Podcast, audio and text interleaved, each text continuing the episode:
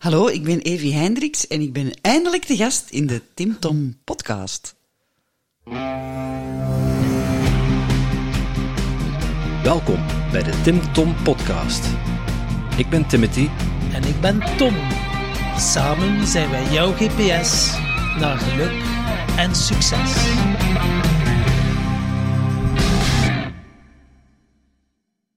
Dag lieve luisteraar. Ik kan me zo maar voorstellen dat je tijdens het luisteren van deze podcast plotseling zin krijgt om van alles op te schrijven. Wat zou jij nu werkelijk willen met al die inspiratie en al die inspirerende gasten? Maar dat is nogthans helemaal niet nodig. Oeh, dat is niet nodig. Hé, hey, kan ik dat niet allemaal niet onthouden? Ze? En uh, wie gaat dat opschrijven voor mij? De kaboutertjes misschien? Nee, maar dat hebben wij al voor jou gedaan. Surf naar www.timtompodcast.com en daar vind je een blog boordevol tips en wijze inzichten van onze gast. En als je er dan toch bent, download dan meteen ons gratis e-book vol boekentips, luistertips en nog meer inspiratie voor jouw persoonlijke groei. Dag lieve luisteraars, welkom bij alweer een nieuwe aflevering van de Tim Tom podcast. Ik dacht, het is lang geleden, ik ga nog een keer de intro afsteken zie. En uh, ja, nu mag de Timothy een keer wat verzinnen uh, over, onze, over onze gast. Ah, zo is het, ja. Ja, ja de, de, de, de, podcast was nog niet goed en wel begonnen, Tom. En er was al gespekt met enige cynistische ondertoon. Uh, eindelijk is Evie Hendricks de gast. Wij kennen Evie al een tijdje. We hebben uh, uh, heel wat mooie avonturen al beleefd samen. En er is bij haar in de living ook een heel mooi avontuur voor ons ontstaan. Tim Podcast Festival. Ja, ja dat is ontsproten. Ja, dus ja, ja. Dat, dat, gaat zeker nog wel een keer aan bod komen in dit gesprek. Ja, Evie, wat moeten de mensen over haar weten? Ze heeft zelf een heel succesvolle podcast. Ze is vorig jaar gestart met de uh, Alcoholalarm podcast. En er komen enkel inspirerende gasten bij. Gasten nuchtere, die eigenlijk, nuchtere. ja, en gasten die eigenlijk niet veel te vertellen, dan komen er niet in. Zeg jij er al in die podcast geweest? Nee. Ja. ik wel. Ja, dus. jij wel, hè? Ja, ja, ja. ja, verder uh, ja, laten we vooral uh, Evie eens uh, ja, aan het woord, hè? goed plan. Okido. Hey, welkom eindelijk. dat was niet cynisch bedoeld, maar ik ben uh, heel vereerd dat Ja. Heel, heel waar is dat ook weer niet, want we hebben al een keer een aflevering opgenomen samen, een bonusaflevering. Uh, Ja, juist, ja, ja. Toen we ehm, een eh, goed doel steunen, hè? Inderdaad. Ja, ja, ja juist. Ja, over dat goed doelen gesproken, hoe is het ermee? Maar fantastisch, ik krijg af en toe nog filmpjes binnen. Ik weet niet of dat jullie ze volgen op Instagram. Eh, dus, uh, uh, Bicycle Tour for Charity. Bicycle Tour for Charity, Ja. waar we, uh, ja, wij ook geld ingezameld hebben. Ja. In ieder geval uh, verdiend hebben met onze projecten en een deel daarvan geschonken hebben aan dat traject. Uh, die mannen zijn op de fiets van Jakarta naar Bali gereden. Hoeveel kilometer was het? 1800? 1800. 1800, ja.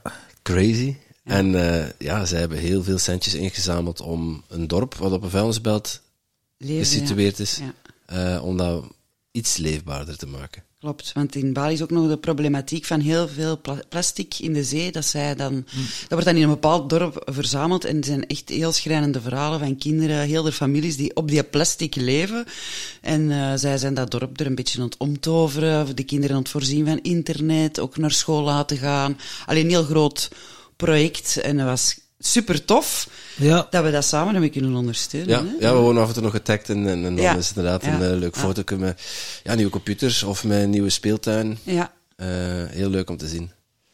Ja, dus uh, we zijn heel blij dat we die Ja, dat was al zo eh, een van de eerste. Allee, we hebben al een paar dingen Ja, samen ja, werken. we zijn eh, op elkaars pad gekomen en here Ja. we go again. Hè? Ja, ja, eigenlijk uh, alcohol heeft ons verbonden, of toch ons verleden met alcohol heeft ons verbonden Het verleden, uiteindelijk. Hè? ja. wat dacht niet dat we samen pintjes gaan drinken. hè, Nee, Tom? daar, daar gaan we een pintjes water misschien, maar uh, ja. Ja, want ik kan me nog herinneren, jij nam contact op met mij, of zo? Ja, dat was via uh, Anne-Alice, uh, podcast via. Ja. Die zei, ja, een Tim Tom podcast, je moet naar Tom een berichtje sturen. Ja. En je hebt me dan uitgenodigd bij u thuis. Ik op Ja. verplaatsing, met Ah, hele ja. machinerie. Je gaf mij de keuze. En uh, ik Ja. had niet genoeg research gedaan, want anders had een Timothy daar zeker bij geweest. maar er komt er nog wel eens van, hè? Ah, ja, ja, ja, ja. ja. Wie weet. Hè? Maar een Timothy drinkt nog, ze. Ah, nee. Ja, maar dat mag, hè? We zijn nu ook Hey, bezig, hè, Op, maat? op dit moment drink ik niet Ja, meer. ja. Ah, ja, maar dat is juist. Juist, jij bent een Nederlander, dat is Dry January, hè? Eh, en februari. Eind februari. En februari. En februari. Wow, goed. Ja. Nu nog de Ramadan erbij en je bent vertrokken, hè? We gaan maar zien waar het, eh, waar het eindigt. Tot nu toe voelt het niet als een opoffering. Nee. Maar ik doe het ook in fases, hè. Eh, Stoppen met drinken. eh, want de eerste keer als ze mij zeiden, het is voor nooit niet meer, ik dacht dat mijn leven voorbij was, hè. Ik, dus ik doe het in fases van zes maanden. En zeg nooit nooit. Ik ken mezelf. Eh, ik heb nog altijd dat duveltje op mijn schouder. Ik geef het eerlijk toe. Maar ik doe, ben nu in de derde keer de zes maanden dat ik eh, aan begonnen ben. Dus ja. Jij, drinkt niet, eh, omdat het... Jij drinkt niet, niet meer, omdat het geen probleem was, hè, toch? Jawel, Nee, jawel, jawel. Was je echt een probleemdrinker? Want dat had ik niet wa- ik, wa- ik, ik heb nooit beseft, en dat is door eigenlijk de zoektocht, ik dacht dat ik nooit een probleem had. Ik was een sociale drinker, ik ging vroeger weg, hè, heel de week niet drinken. Hoe, hoe zag je drank, drankpatroon eruit? Voor eh, heel dat pandemieverhaal vond ik dat een normaal patroon. In de week niet drinken, in het weekend vrijdags, je kent dat, de aperitieven, op snelle termijn goed mee kunnen drinken met de mannen. Ik vond dat ook kei stoer. Of ik ging theater spelen, mensen komen kijken, je wilt dat wat inhalen, of je moet in het laat een trouwfeest en je begint mee op niveau te drinken. Maar ik, zei, ik heb dat nooit, ook in het begin van mijn podcast, nu een jaar geleden, vond ik dat niet problematisch. Ik ben thuis beginnen drinken, alleen, hè, door de lockdown. Ik was eh, eh, iemand die events organiseerde. Ja, als er iets was dat niet mocht doorgaan, was dat dat. Dus ik zat twee jaar achter mijn pc te botsen. Eigenlijk een beetje op mezelf te botsen, maar dat had ik ook nog niet door. En ik ben thuis alleen beginnen drinken. En ik heb wel zes maanden echt een probleemdrinker geweest. In die zin, s'avonds beginnen, met een man later werken. Er tegen dan was de fles op. Op een duur altijd wel vroeger en vroeger beginnen drinken. Het was een soort van aperitieve, maar dan ontdekte ik dat ik mijn spaghetti saus ook om 12 uur middags al kon maken. En dat was dan ook een glaasje erbij. Of collega's op vrijdag om drie uur. Oh, zeg, het is vrijdag, drie uur. En ja, bijkomend, ik heb een gastric bypass. Ik moet daar leren mee omgaan. Er is een verschil dat je 100 kilo weegt. En je kunt wel wat verzetten. Of je weegt 60 kilo. En met een bypass, het alcohol, ja, dat slaagt heel veel organen over, gaat rechtstreeks in je bloed en breekt ook sneller af. Want mensen denken, oh my, die zat de fles lag hele dag in de zetel. Ook fout, daar hebben mensen ook soms een verkeerd beeld van. Iemand die een drankprobleem heeft. We hebben nog altijd zo'n fout beeld van een man onder de brug, maar dat is niet. Er zijn heel veel hoogfunctionerende... En die blijven het langst onder de radar. Want dat wij blijven functioneren, blijven werken, ons huishouden doen, alles er rond. En dat is puur beginnen drinken om mijn, ja, om mijn hersenen uit te zetten. Hè, van, laat dat radartje hier stoppen. Maar dat stopte niet, zelfs als ik dronk. Het, en je denkt, oh, ik ga beter slapen. Maar ook dat is niet, hè. Je werd altijd op een bepaald moment niveau van middernacht slaap- slaap is verschrikkelijk. Je slaap denkt, oh, voor het slapen gaan, nog een glasje wijn. Of een Voor- limoncello. voor in te slapen gaat dat goed, maar uw Voilà, slaapkwaliteit... en zo is dat. Hè. En, dus ik ben dat verhaal begonnen van, ik ben geen probleemdrinker. Ik had ook boeken over gelezen van, oh, dat heb ik ook, maar dat is geen probleem. Maar naarmate die zoektocht, merk je toch dat je ervoor... Oh, en dat dit is, denk ik, wat veel mensen hebben. Ik ben geen probleemdrinker, want ik drink in de week niet. En in het weekend vlieg je erop. Maar eigenlijk is dat puur binge drinken. Want vanaf dat je vijf glazen drinkt, op twee uur tijd, zijn al een binge drinker. En, allee, geef eerlijk toe, die apero's, dat gaat, dat gaat vooruit, hè. Ja. Dat is, allee, of als je Vijf op- vrijdags café binnenkwam, je kon Ja, niet, ja. om, dat was om te rapst een, een- rondje geven, hè. Ja. Allee, ik weet niet, hoe- Ja, in weet- België ik- toch, hè. Ik, ik, ben geen, ik ben geen caféganger, dus ik... Nee, ik- nu ja. ook niet meer, maar vroeger was dat wel. Vroeger, ja. In de zin van, ik was ook geen caféganger, maar je hebt Als dan... ik jong, ja, als ik jong, in mijn, mijn jongere jaren, ja, als we uitgingen, dan was dat wel... Maar goed, daar zijn die ook jong voor. Ja, en ik heb in de horeca gewerkt. En ik zeg altijd, wat je in de horeca verdient, doe in de horeca op. Want je hebt gedaan met werken, je gaat nog iets om even te chillen. Of mijn theatervoorstelling was gedaan. Even met de mensen in de bar. Je rijdt dan al richting huis, hè, omdat je niet wilt eh, drinken en eh, rijden. Dus dat was bij mij in de straat. Ja. En je stapt er om 11 uur. Zo, dan begon pas mijn, mijn avond. Hè. Als je een hele dag werkt, fulltime, s'avonds voorstellingen speelt, ja, dan pas begint het even van... Oeh. Ja. Maar als je dat vier avonden in de week doet... Maar waar ligt dan de grens tussen... eh, ja, eh, door de week niet drinken, in het weekend...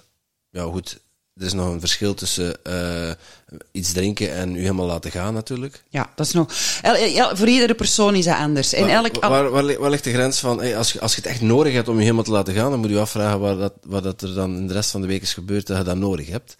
Denk ik. Maar ik denk dat het voor iedereen gewoon die bewustwording daar rond. Waarom hebben we dat nodig om ons te amuseren? En dat ben ik nog aan het leren. Want Uh, ja, het is ook, gevoeld u, u anders. Mensen worden denken van zichzelf socialer. En dat is goed voor twee pintjes. Maar er is ook iets in ons brein, hetzelfde, hè, de, de, de vecht, vlucht en hè, freeze. Uh, ja.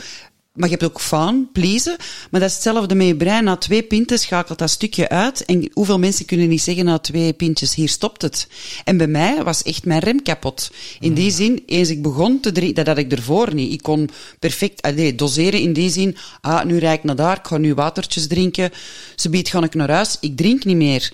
En ook door de gastric bypass, denk dat 10%, ik wil er nu, ik ben geen expert ter zake, wel ervarings, ervaringsdeskundigen op dat vlak, maar in mijn research merk ik dat heel veel mensen daar een probleem mee krijgen, omdat wij zoeken naar een soort beloning.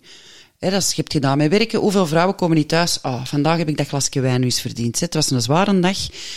En zo zijn er mensen die dagelijks drinken.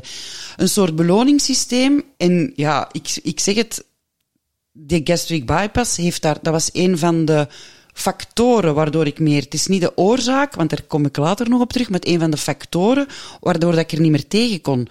Soms had ik maar twee, drie glazen op en ik was helemaal teut, hè.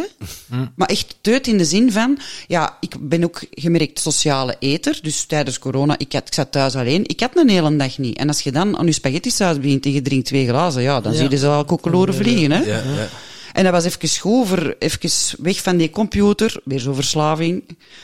Maar je merkt dat het toch dieper zit dan alleen van, ik zat hier opgesloten. Het is mijn gastric bypass, dat is waar, maar daar wil ik op terugkomen, die beloning. Je gaat op restaurant, mensen pakken voorgerecht, hoofdgerecht, dessert. Ja. ik kan dat niet. Dus wat zeg ik? Oh, geef mij nog maar een aperitiefje tijdens het voorgerecht van jullie. Als hoofdgerecht pak ik een voorgerecht, dus dat is al een heel kleine portie. En als dessert, oh, de mensen pakken een dame blanche, geef mij maar een digestief. Op den duur drinkt het al dubbel. Om toch niet, om mee gezellig te doen, om niet te zeggen van, ik ga hier dus nu probeer ik zo, soms pak ik als voorgerecht een cappuccino. Ja. ja, en je begint zo ook meer te drinken. Dat sluipt erin, hè, want het is niet dat je vandaag op morgen een probleemdrinker zit. Dat sluipt er heel traag in. En op je vraag oh, te komen, wat, wat is de grens? Voor iedereen is dat anders. Elke problematiek is anders. Maar vanaf het een probleem vormt. Ik krijg soms vragen van mensen van, ja, maar in de week drink ik niet, en in het weekend klopt dat mis, want dan heb ik ruzie met mijn vriend. Dan is het een probleem, hè. Ah, ik ben vanmorgen niet gaan werken, want ik had een kater. Ja, dat is een probleem, hè. Als het zo ver gaat en je kunt daar niet van... Ik ben heel jaloers op die vrouwen die zo op restaurant zitten te genieten, twee uur met één glas wijn. Ja, dat kan ik niet, hè. Dat, wordt dat. dat is drinken om te drinken en dan drink je niet meer. Ik heb ook uh, vroeger wijnopleidingen gevolgd, leren wijn proeven, de uitspuwen. Ja, dus dat binnenkappen. Dat is kappen. Ja, en ik heb leren kappen ook. Dat was, dat was vroeger, uh, als wij of naar de Girofaven of whatever gingen, dat was drinken om te drinken. Hè? Maar je merkt toch dat die cultuur wat aan het verschuiven is. Ik wil het zeker geen trend noemen, hè, want je ziet het nu overal in de kranten, want een trend gaat voorbij. Ik ben ook geen guru die zegt, blijf van die alcohol af. Nee, want ik heb de alcohol zelf te graag gezien.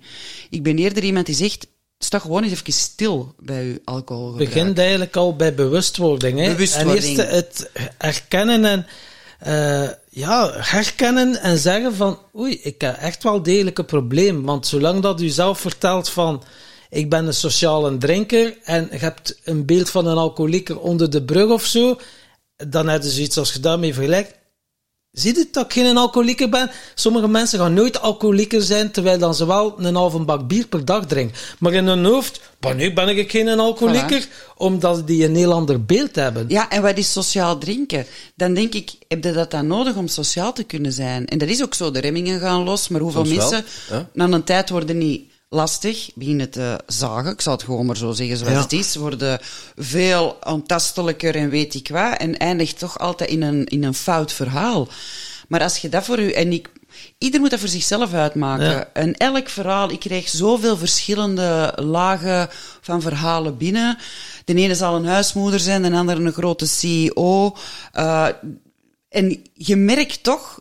Nu, vorig jaar kon ik dat niet zeggen, dat daar toch altijd ja, nu komt het ineens heel diep, maar soms trauma's onder zitten.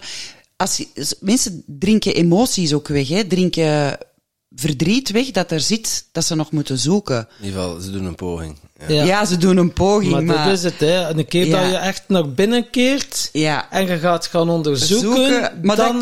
dat, dat, dat, dat komt pas na een tijd, hè, want ze zeggen, ja, oh, je stopt met drinken, keigoed. Dat is eigenlijk ook in fases. Hè. Het is eerst, eerst de bewustwording. Dan stopt je, pakt je de stap om het te En doen. Dan, dan komen de... nog niet, dan nog niet. Dan komt op een roze wolk van kijk eens. Ja, ja, ja. ja. En dan is het leren omgaan met jezelf nuchter. En ik, ben- ik, ik, ik ben er nog belangen in, want als ik zo de, de pro's noem ik ze dan, al tien jaar nuchter, dan zeg je, oh, nog maar een jaar. Maar het is pas nu dat ik echt nog op de zoektocht zit van... We hè, zitten op die roze wolk. Hè. Je kunt ja, ik, zien, ik- ja, ja, ook- E- Eve heeft trouwens een prachtig roze kleed. ja, vroeger droeg ik eh, altijd zwart en sinds ik nuchter ben draag ik heel veel kleuren. Want het, hè? het is inderdaad wel een feit van, als je dat stopt met drinken, ik ben nu, kijk, als die in de podcast zei, ja, net vijf jaar nuchter. Eh, Amai, proficiat. en dan, ehm, Zo geen applausje, zo. ja. Ja, die, die knop is kapot. denken deze. Zo doen. Ja, maar dat al aan, dat, dat moet kunnen, hè? Maar het is, maar het is wel een feit van, eh, als je dan nog zit gedacht buiten komt en zo, je omgeving daar beginnen. Hoe gaat men gaan gedragen? Om je handen. Ja, dan zit constant in die nootjes. Of dan uit je glas water.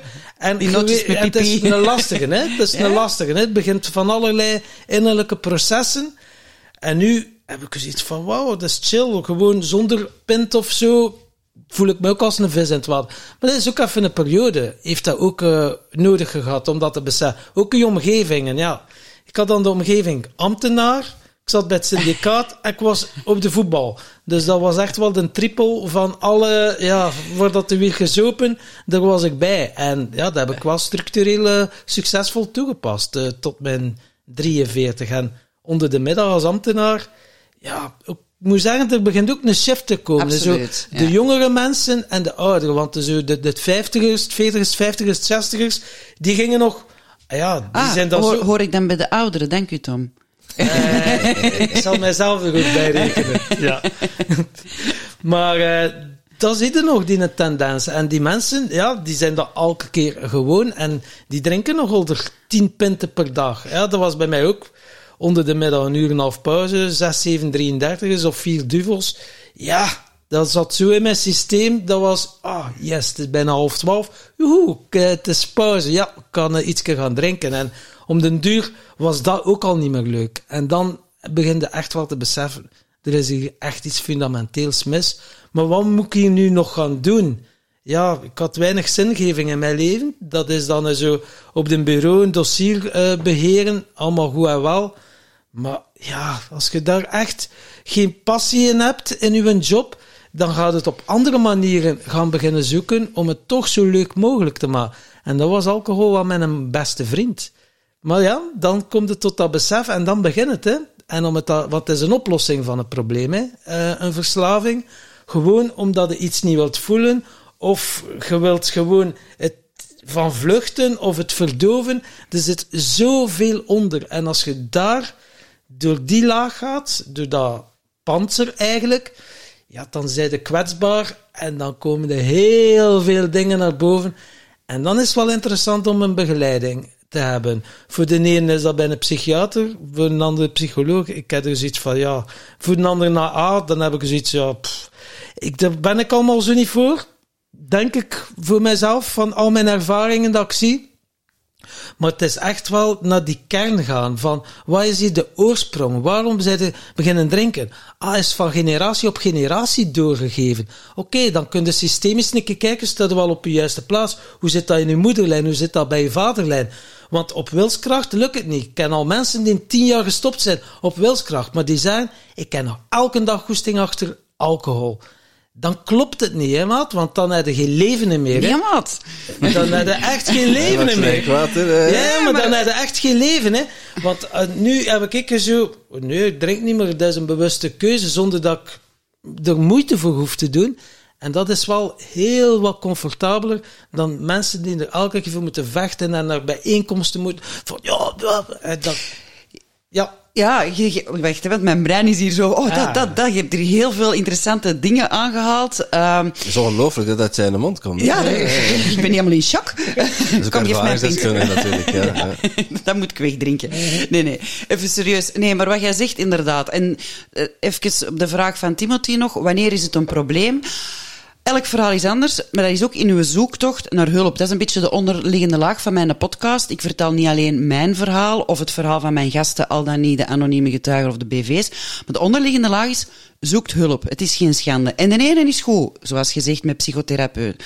De andere zal eerder een coach nodig hebben. De andere voelt zich goed hè, in groepsverband een AA, SOS nuchterheid hebben de ook. De ene heeft genoeg met een podcast. Ook waar. De andere een boek. Dus dat is voor iedereen ook anders. En dat is een zoektocht. En uh, om even in te komen, zoals gezegd, het is ook intern. Hè, wat doet dat met mij? En die omgeving. Maar ook die omgeving moet daaraan winnen. Hè, want je komt ergens, iedereen kent mij ook. Ik had zo de fases. Hè. Dan was het cava-fase, gin tonic fase. Dan was het whatever fase. Ik heb alles wel gehad van fases waar ik dronk, maar ik kwam ergens binnen. En de cafébazen, die wisten dat. Die, mijn, die zagen mijn gezicht, mijn kavaatje stond klaar op de toog. Maar mensen moeten ook winnen van, oeh, die drinkt niet meer. Ze is ziek. Pak de medicatie. Oei, is toch niet... Het is abnormaal dat je zegt, ik drink niet. We leven in een omgekeerde wereld. Oké, dat is ook onze cultuur, economisch weet ik wat. Ja, we zijn Bourgondiërs, die Belgen. Hè. In Nederland is dat nog net iets anders. Ik had over laatst een heel goed interview uh, met een van mijn gasten. Die zei, ja, hier zijn ze bij jullie gewoon om tussen de middag een goed zwaar biertje bij hun eten of een wijntje. Dat is not dan in Nederland bijvoorbeeld. Nee, oh nee. nee. Maar die hebben ook niet zo'n goed eten natuurlijk. Hè. Maar ja, je kunt dat niet vergelijken. uh, maar dat terzijde. Uh, maar het is, dit is ook heel cultuurgebonden. Zoals je ook zegt, je noemt er een paar op. Ik heb ze ook allemaal. Hè. Ik ben ook ambtenaar. Uh, wij noemen erop de voetbal. Ik heb ook bij de voetbal events georganiseerd. Wat was het derde dat je erop noemde? het syndicaat. Het syndicaat. heb ik ook, ja. Check, check, check. Ik kan alleen maar zeggen check, check, check.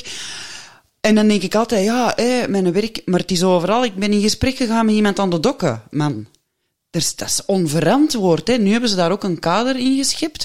Maar die mannen aan de dokken, de cafés aan de dokken, zie ik de lichtjes van de Schelde, ja. Dat gaat puur om die cafékes ook, die dat er rond en het leven daar rond. Er stonden mannen boten af te laden. Als ik deze verhaal hoor, dat ik dacht van, wij zitten dan maar achter onze computer. Ja. Oké, okay, wij kunnen ook grove fouten maken. Maar zo ene die dat er, uh, ik wil het niet ja. weten, een ketting tegen zijn kop krijgt op de, aan de dokken. Maar ja. het is in elke werksfeer, op hoeveel bedrijven is er niet, oh, vrijdag gaan we drinken. Ik heb mij er ook schuldig aan gemaakt. Hè. We hebben tijdens corona gedaan. Dat was zo, ik weet een term kwijt, kwam uit Japan overgevlogen. Wij waren een van de eerste binnen ons departement online drinks.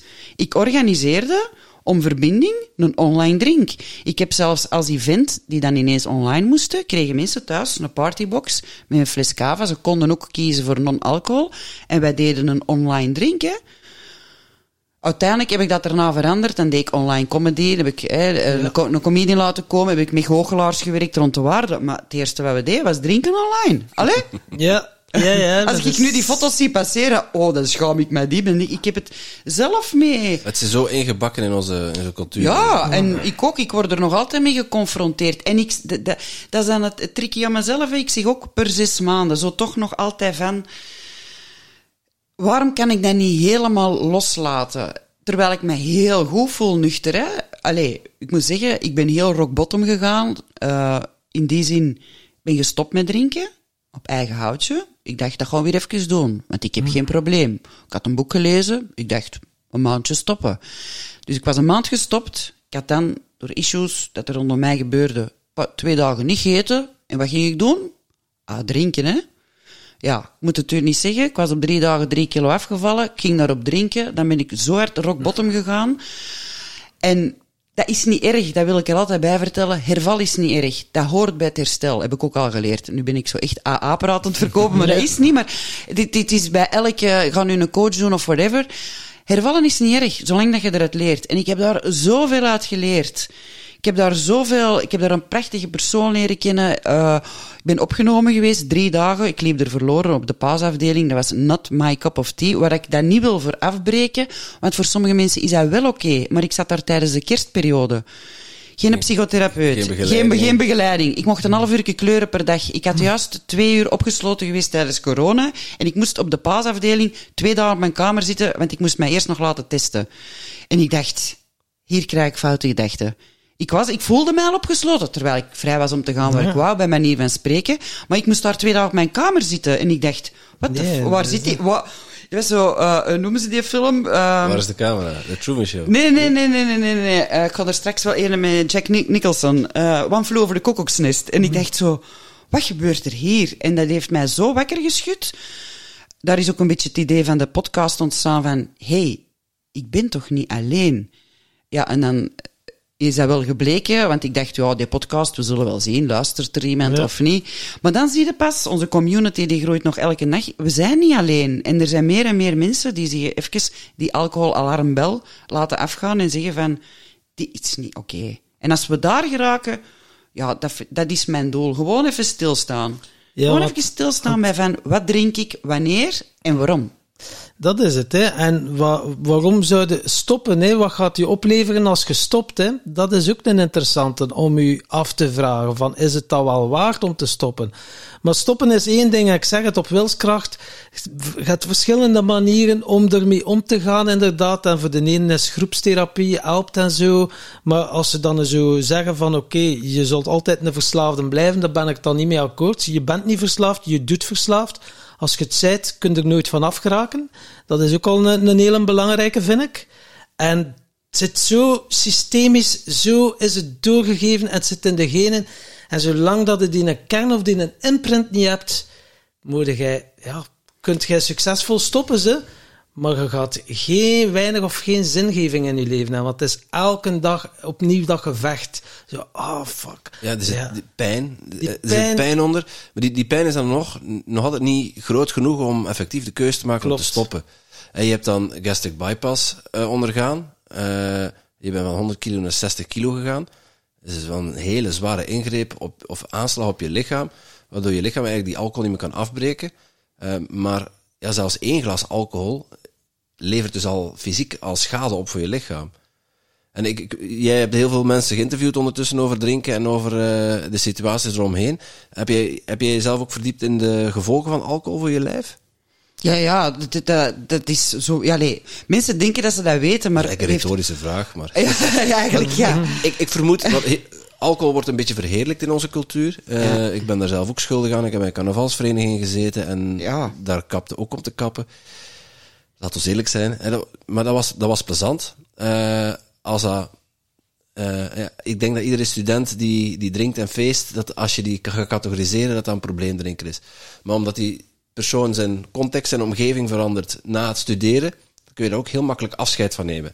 Dus op dat moment is dat makkelijker. Maar er zijn mensen die er ook in blijven hangen. Eh, ik, ik vraag me af of, of, of die mensen zich bewust zijn van de effecten van alcohol op je lichaam. Kun je, kun je daar wat over toelichten? Ja, in die Rond zin... bewustwording, Bewustwording. Kijk nu bijvoorbeeld, x aantal jaar geleden, ineens alle chirurgen, eh, roken is ongezond. Dat heeft een heel grote impact, ge- omdat eindelijk de medische wereld daar zelf eens mee naar buiten kwam. Er was nooit niemand die sprak over, ja, maar die alcohol. Nee, roken was slecht. Elke roker, ik kan je nog herinneren, je mocht roken op vliegtuig, je mocht roken in het restaurant. Ja, ik kan je voorstellen, zo na het- Ik ben al te jong om, eh, om Ah. dat te herinneren. Maar, Ah, ik kan je niet meer herinneren. Ik kon- Ja, dan dat voel er ik me echt binnen een denk je wel. eh, ja, ja, dat, dat er binnen Allee, gerookt werd wel, maar de zo complimenten vliegen hier vandaag rond mijn oren. Dus bij een dokter, met een Ja. dikke sigaar. Maar dat was ook zo. Ik, eh, nu, eindelijk, dat is een aanslag op je lichaam. Niet al, er, ik heb overlaatst nog een eh, research gedaan. Allee, ik, in, in Engeland. De gevolgen van corona, ik vieze woord, ik weet het, maar de gevolgen gaan we pas binnen vijf jaar zien, want ze verwachten een ster- sterftecijfer. Ik kon er geen getallen op plakken, want als ik dat doe, moet het juist zijn. Perfec- perfectionistisch kantje dat naar boven is gekomen. Eh, Ja, we gewoon even ja. checken. Maar de gevolgen van het zwaar drinken tijdens corona gaan we pas binnen vijf jaar zien aan levertransplantaties, heel de matte Ik ben geen dokter. Maar nu komt pas die medische wereld daarmee meer en meer naar buiten. Het is aan de chirurgen om eens op tafel te kloppen. Wat niet wil zeggen, want met de sigaret hebben ze dat ineens heel radicaal gedaan. En eigenlijk goed, ja, ik was ook iemand, ik ben zo opgegroeid, zoals jij daarnet ook zegt. Drinken, wij zitten ja, drinken, smoren. Ik zat in de auto bij mijn vader en die smoorde sigaretjes. Ik maak, maakte mij er ook schuldig aan. De, de, de reclame van de Marlboro, dat was zo in een tijd. Dat is de generatie die drinken, roken normaal vindt. De jongere generatie die zeggen, wat? Je hebt één pintje gedronken. Jij gaat mij toch niet ergens afzetten? Ik heb een verhaal gehad van een vrouw, en dat vond ik heel frappant. Die zei, ja, nu die jongeren, dat is, dat is ook weer een iets, een hype van deze tijd. Wij gingen vroeger uit naar een fuif, wij reden door, s'nachts naar de discotheken. Dat is allemaal zo wat voorbij. Ik vind dat heel erg dat die een zillion zo wat teruggehyped wordt, maar ik heb me er ook allemaal schuldig aan gemaakt. Wij reden s'nachts van hier naar daar, je wilt niet weten hoe begaaid en whatever. Dat was zo. Nu, wat doet de jeugd? Die komen samen en die gaan binge drinken, want... Alles is veel duurder geworden. ja. Ja, veel duurder geworden. Dus voor ze naar een feestje gaan, gaan ze al drinken. En overlaatst zei die vrouw, ja, ik had hier overlaatst mijn dochter. En ehm ja, die was hier met vier vriendinnen en die hadden alle vier een fles wijn bij. En die dacht, als die nu al die wijn en ik moet die nog een fe- Dus wat heeft die vrouw gedaan? Die zegt, ik ben gewoon mee beginnen drinken. En ik heb dan gezegd, dat is ook fout, hè? Maar ik ben mee beginnen drinken. En die zei, ja, sorry, ik heb nu al twee, drie wijntjes gedronken, kan jullie niet meer afzetten. Dus die was een excuus aan het zoeken, omdat hij zo'n had van, zie, zo'n vier jonge meisjes van 18, die hebben allemaal al een fles wijn op en dan moet ik die nog naar een feestje brengen. Maar dan denk ik, waar zijn we nou in godsnaam mee bezig? En natuurlijk doet dat een aanslag op ons lichaam, hè? Want ze zeggen, soms zie je van die artikels passeren, één glas wijn per dag is gezond. Ja, ik weet dat niet. Ik ben geen een expert. Ik geloof daar niet in. Het is alcohol en alcohol blijft alcohol. En ik geloof heel hard in het feit, de Indianen hebben de tabak ingebracht, gelijk de Amerikaan de alcohol. Dat is dan nog weer een heel ander verhaal vol geschiedenis, gaan we niet op toewijden. Maar het is ook de benaming dat je geeft. Dat wil ik nog even zeggen. Ik wou even ook inpikken op wat dat Tom zei. Ehm, ik ben hè, geen verslaafde. Ik vind, dat is een vorm van psychologie. Hoe ga je ermee om? Want daar ben ik ook een hele zoektocht naar begonnen van... eh, ik heb gelukkig nooit... Ik heb alles ge- gevolgd wat we hier al hebben opgenoemd. Hè. Coaching. Ik volg zelf ook een coachtraject van twee jaar om mensen te begeleiden, want ik vind ervaringsdeskundigheid niet genoeg. Psychotherapie. Ik ben eh, therapeut, dat doe ik trouwens nog. Daar ben ik niet, dat wil ik ook wat onder de aandacht brengen. Ik zal dat blijven doen, naar zelfreflectie. AA, ben daar ook geweest. Ik weet wat dat die doen. Het is ook de term dat je eraan geeft. Ik heb nooit in een AA moeten zeggen, hey, ik ben Evi en ik ben alcoholist. Daar was ik al heel blij voor. Maar zie nu dan een gedetineerde. Een gedetineerde doet iets fout. Die wordt ervoor gestraft. Dat is een ex-gedetineerde. De eerste keer hoorde ik de term ex-alcoholieker. Dan had ik zoiets van, ja, daar kan ik me wel in vinden. Ik heb even een probleem gehad, maar dat is voorbij. Er zijn mensen die zich voor het leven alcoholieker noemen. En als dat helpt om je nuchter te houden, doen, hè. Als dat, maar eh, een heel schoon gegeven, ik ben dat niet. Dat heb ik trouwens van onze vriend eh, Peter Snauwert de eerste keer gehoord. Zijn, doen, hebben.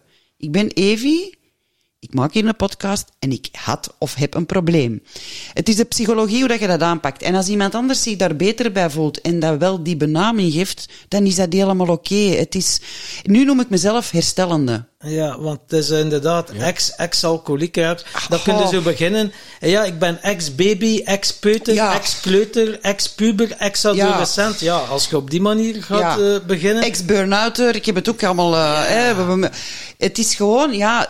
En voor, voor elke persoon is ook dat anders. Zoek waar jij je goed bij voelt. Er zijn zoveel... Mo Voelde jij goed met te zeggen elke nacht, ik ben een alcoholieker, blijf eraf, hè. Maar oké. Maar als je het echt mee wortel en al wil. Ik ben nu vijf jaar nuchter, maar dat proces, oké, succesvol stoppen met alcohol... Ja, dan heeft het wel nog even geduurd. Zocht ik andere manieren hè, om de leegte op te vullen en om de pijn te verdoven.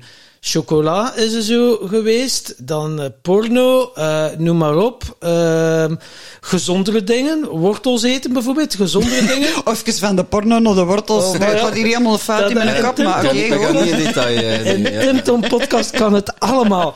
Maar als Als je mijn zieke geesten. Yes. Maar als je daar dieper op ingaat, som dan Met de wortel, toch met de wortel van het probleem hebt. de toon is gezet. De toon is gezet. Maar als je er inderdaad eh, dieper op ingaat, is het toch elke keer is nog niet opgelost. Je hebt het verschoven. Want ik zie heel veel alcoholiekers zeggen, ja, eh, ik ben er vanaf, maar die dan eh, ja, serieus verdikken of noem maar op. Of eten en noem maar op.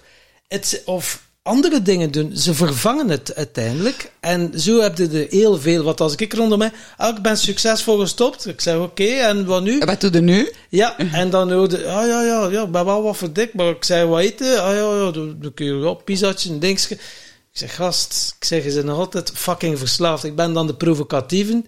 Ik zei dat ook niet tegen iedereen. Ja. Mensen die ik zoiets heb van, oké, die nu wil ik, of die kan ik helpen of zo, die ga ik wel en het provo, hoe noemde je dat? provocatief. En wat wil dat zeggen? Zoals het nu klinkt, Uit- nogal uit- uitdagend. Uitdagend. Ja, ik Uitdagend. ben niet blond, hè, dames en heren, Ja, maar eh, ik ben, ik ben ros, maar ik was gewoon curieus, oké? Maar ja, dat is om dat bewust. Ah ja, shit, het is echt verschoven. Wat grappig is, eh, dingen vertellen ook. hè. Het is je boy Jay. eh allee, ja, Jay hij was bij Edwin Selei, hè, is een bekende hypnotherapeut in Nederland.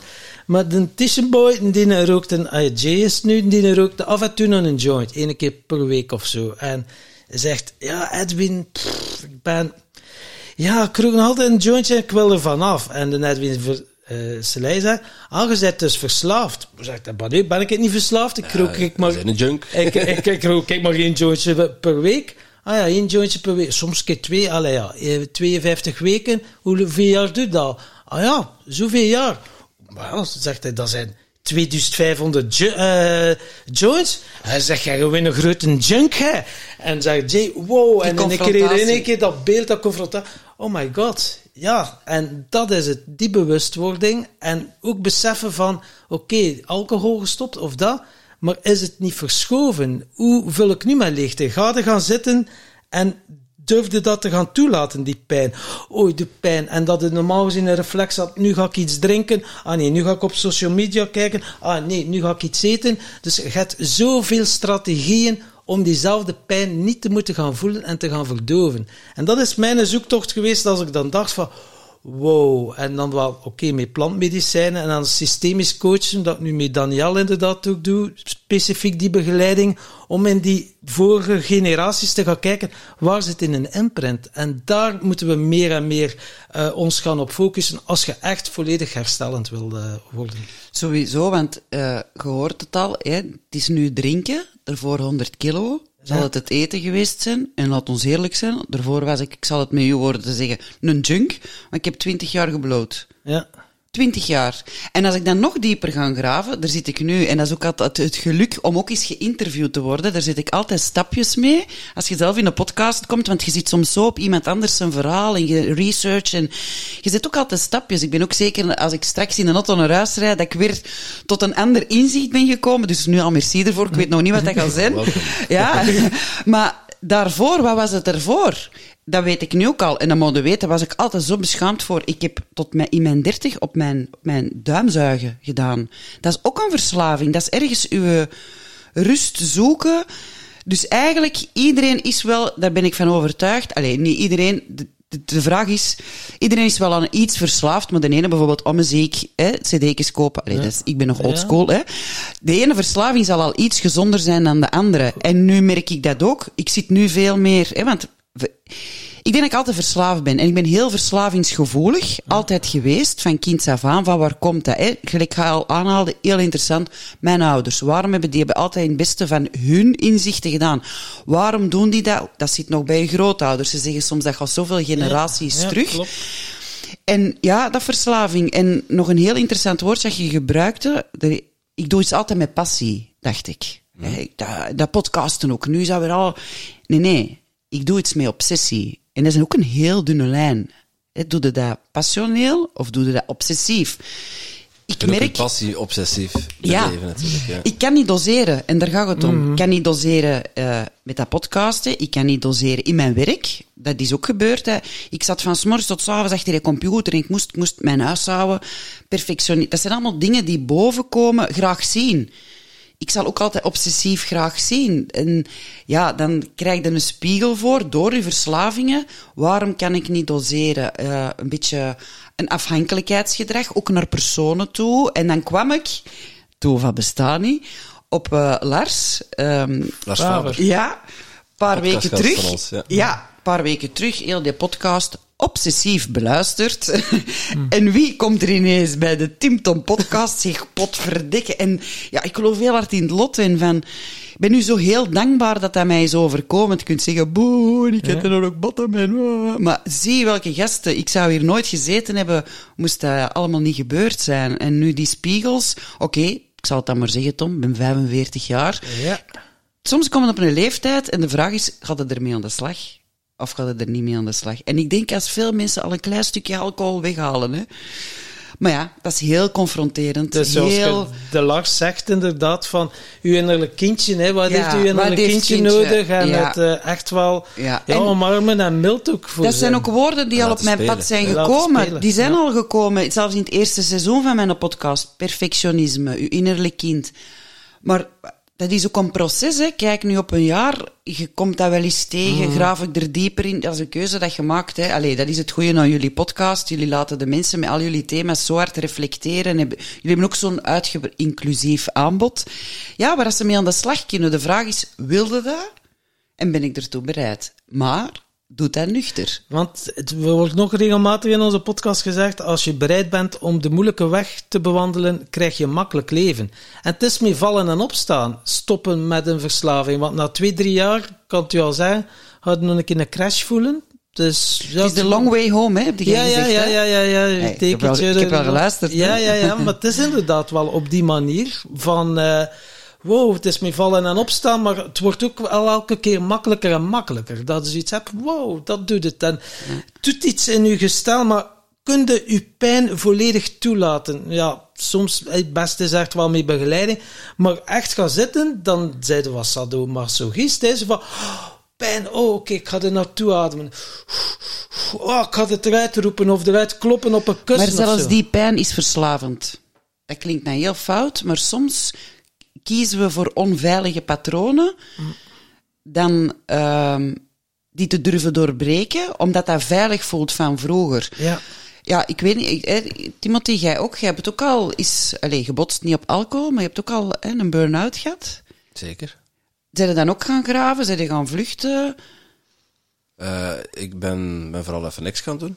Maar ik, ik, kwam- Ja, ik, ik had redelijk, ik had redelijk snel eh, inzichtelijk waar het vandaan kwam. Het was gewoon een, een kwestie van tijd. Ja. Eh, dus ik was ook niet echt verbaasd toen dat, toen dat mij overkwam. Ik was er wel door overvallen. Maar eh, ik was daar, dat was tijdens de Tim Tom, Zomer, eh, Tim Tom Podcast Zomertour, dat ik dan begin van de week eigenlijk tot besef kwam van, ja, ik heb een burn-out.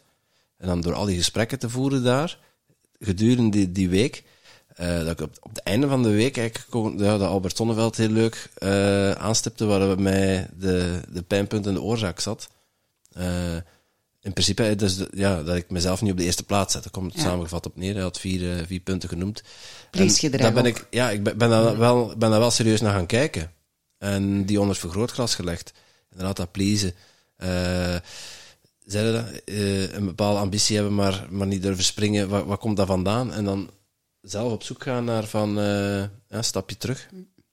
Maar je bent niet gevlucht of zo in eh Nee, ik- middelengebruik. Ik heb, me, ik heb mezelf gewoon de, eh, de ruimte en, en de rust gegeven die ik, die ik nodig had. Sterk. Ehm, maar aan de andere kant, ja, in diezelfde periode was, was het nog altijd heel druk. Speelden nog altijd heel veel dingen. Verantwoordelijkheden die ik niet kon. eh, Alles wat ik kon afstoten van verantwoordelijkheden heb ik toen losgelaten. Ja, mijn vriendin was hoogzwanger en eh, moest hier nog een huis afgebouwd worden. Dus Pittig, hè? ja, dat lag, nog, dat lag nog onder op de, op de stapel. Ja, en dan toen het kindje kwam, hebben we wel, ik heb wel een tijd gehad dat ik, dat wij een, dat ik merkte dat ik meer dronk. Dat ik daar meer behoefte aan had. Eh, ja, dat, dat, dat is ook. Maar jij bent nog een die- sterke persoon. Alleen, dus in- niet dat je zwak Ik, bent, ik, ik maar kan als dat je niet... doseren, maar Voilà, als je dan al verslavingsgevoelig bent, het kan snel gaan. Hè? Dat Ja. wil ik maar zeggen, er, dat is er een zijn, slap. eh, Laat ik het zo samenvatten. Er zijn, eh, ik, ik, ik heb dan, ik heb heel lang gewoon alleen, eh, door de week drink ik niet en, en, en het weekend wel. Dus ik, ik herken ook niet echt een probleem daarin. Het is niet dat ik per se moet drinken, maar als de gelegenheid zich voordoet, ga ik dat ook niet uit de weg. Eh, maar ik ben wel klaar met mijn poepeloeren zat te zuipen. Dat gebeurt zo'n paar keer op een jaar. Dan, eh, Maar je hebt er ook Dan een moet blokker op gelegd, hè, nu? Eh, nu, nu ligt er de blok op, ja. En we doen dat al een aantal jaar hoor. Dus in februari of in januari dat we een maand eh, even geen alcohol. Gebeurde wel eens dat ik daarna dan, eh, als ik, iets- Ja, dat, als dat ik eens dronk, dat- dan ja, ja. vier binnen en dan eh, was ik Zie je helemaal de teut. kaboutertjes, de kaboutertjes dansen? Ik besefte ook wel van, nee, dat is niet de goede manier. Nee. Eh, maar ik, ik heb daar niet echt een probleem mee. Nee, voilà.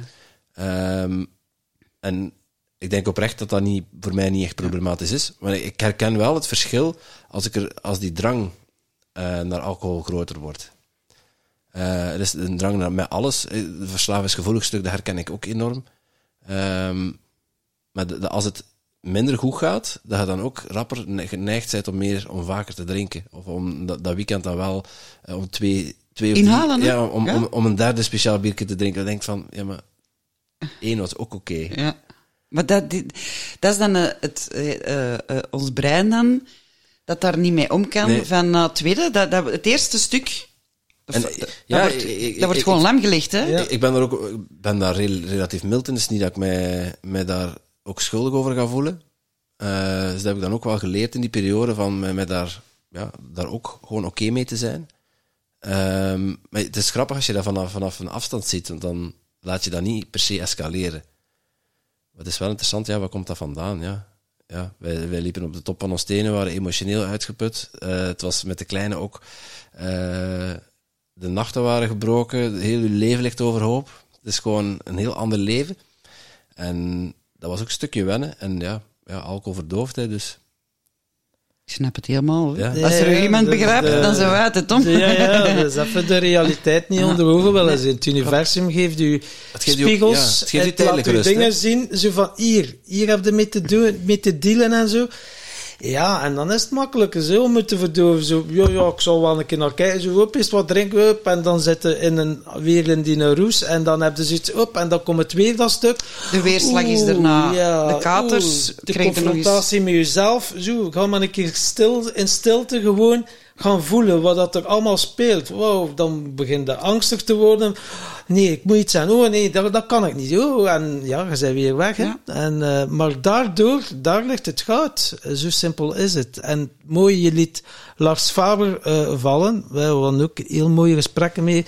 Ook wel verslavingsgevoelig, onze kameraad. En eh, nog een fijn contact mee. Ik heb nog een regelmatig contact met Ah, hem Lars. de groetjes. Ik ga dat zeker doen bij deze, Lars. Want ik vermoed dat jij nu ook al onze podcast luistert. En nu de mijne ook, ja. Lars? Want ik luister ook naar die van u. Voor wat hoort wat. Dus is die enkel eh, ademcoach en zo het plantmedicijn, de gewijde reis. Ja, mensen moeten anders maar de podcast eh, route pup, een prachtige 157 of zo. Ja, een topaflevering. Maar die heeft het dan ook over die codependency, hè? afhankelijk Heel. maken en het, de grenzen aangeven. Want dat is dan ook wel iets dat toch hand in hand gaat met verslavingen. Hè? Grenzen en... Ja, en ook, het is wat nu grappig dat we zeiden, ja, jij moet nu naar, het gaat over voorwaardelijke en onvoorwaardelijke liefde en hoe je, ik heb zijn een test trouwens ook gedaan, hè. Je, had zijn, je Ja. kunt zo'n test doen. Ja. En ja, ik was dus een 100... love- love addict. Ja, love addict, 100%. Dat is geen Luilijk. lust. Een lichte 100%. vermoeden. We have a winner. dus ik heb de test ook gedaan. eh, ja, en dat codependency, hè, en daar u in verliezen. Grenzen, we noemen het hier allemaal. En dat zal ook iets zijn waar ik mij ook zal focussen. Want dat is het interessante aan zo'n coaching-traject, dat je dat volgt om mensen te begeleiden. Je komt nu zelf keihard tegen, maar dat zullen ook mijn focussen zijn. Dat please-gedrag, perfectionisme, burn-out. Waarom? Die, die ervaringsdeskundigheid zie ik nu als onbetaalbaar. Want jij kunt ook naar een psychotherapeut gaan die eh, jaren in de boeken heeft gezeten. Maar als je niet weet waarover je spreekt, maar als je die, zowel die kennis, hè, zoals eh, ook uiteindelijk Lars ook doet, die heeft ook daar zoveel ervaring in. Als je dat allemaal samenbrengt in die test, allee, zijn filmpjes zijn ook heel inspirerend. Zijn een challenge was ik, heb Ja. ik ook zelf eh, ge- gevolgd. Ja. Ja, dat is, dan zijn er eigenlijk al stappen gewonnen die dat je zelf niet eh, moet zoeken. Hè. Dus eh, ja, superboeiend. Ja, ja. Zeker de moeite om te luisteren. Je, je- je spreekt over codependency. Wat, Ja. wat, wat triggert jou daarin om, om ja, Lars te volgen? En, en wat, wat triggerde dat bij jou? Ehm, reacties van mensen in mijn omgeving, eh, doordat ik door bepaalde, zowel ook, ook op werkvlak nee zei, dat ik mijn grenzen begon af te schermen.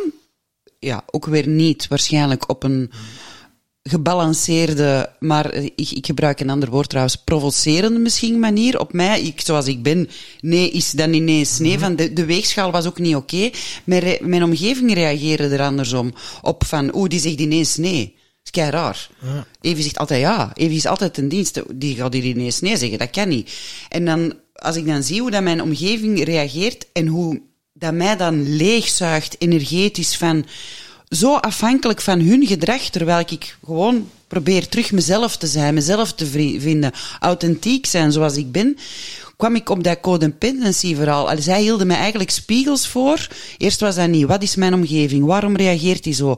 En dan dacht ik, nee, nee, ik ga niet met de vinger wijzen. Ik ga even kijken, wat doet dat met mij?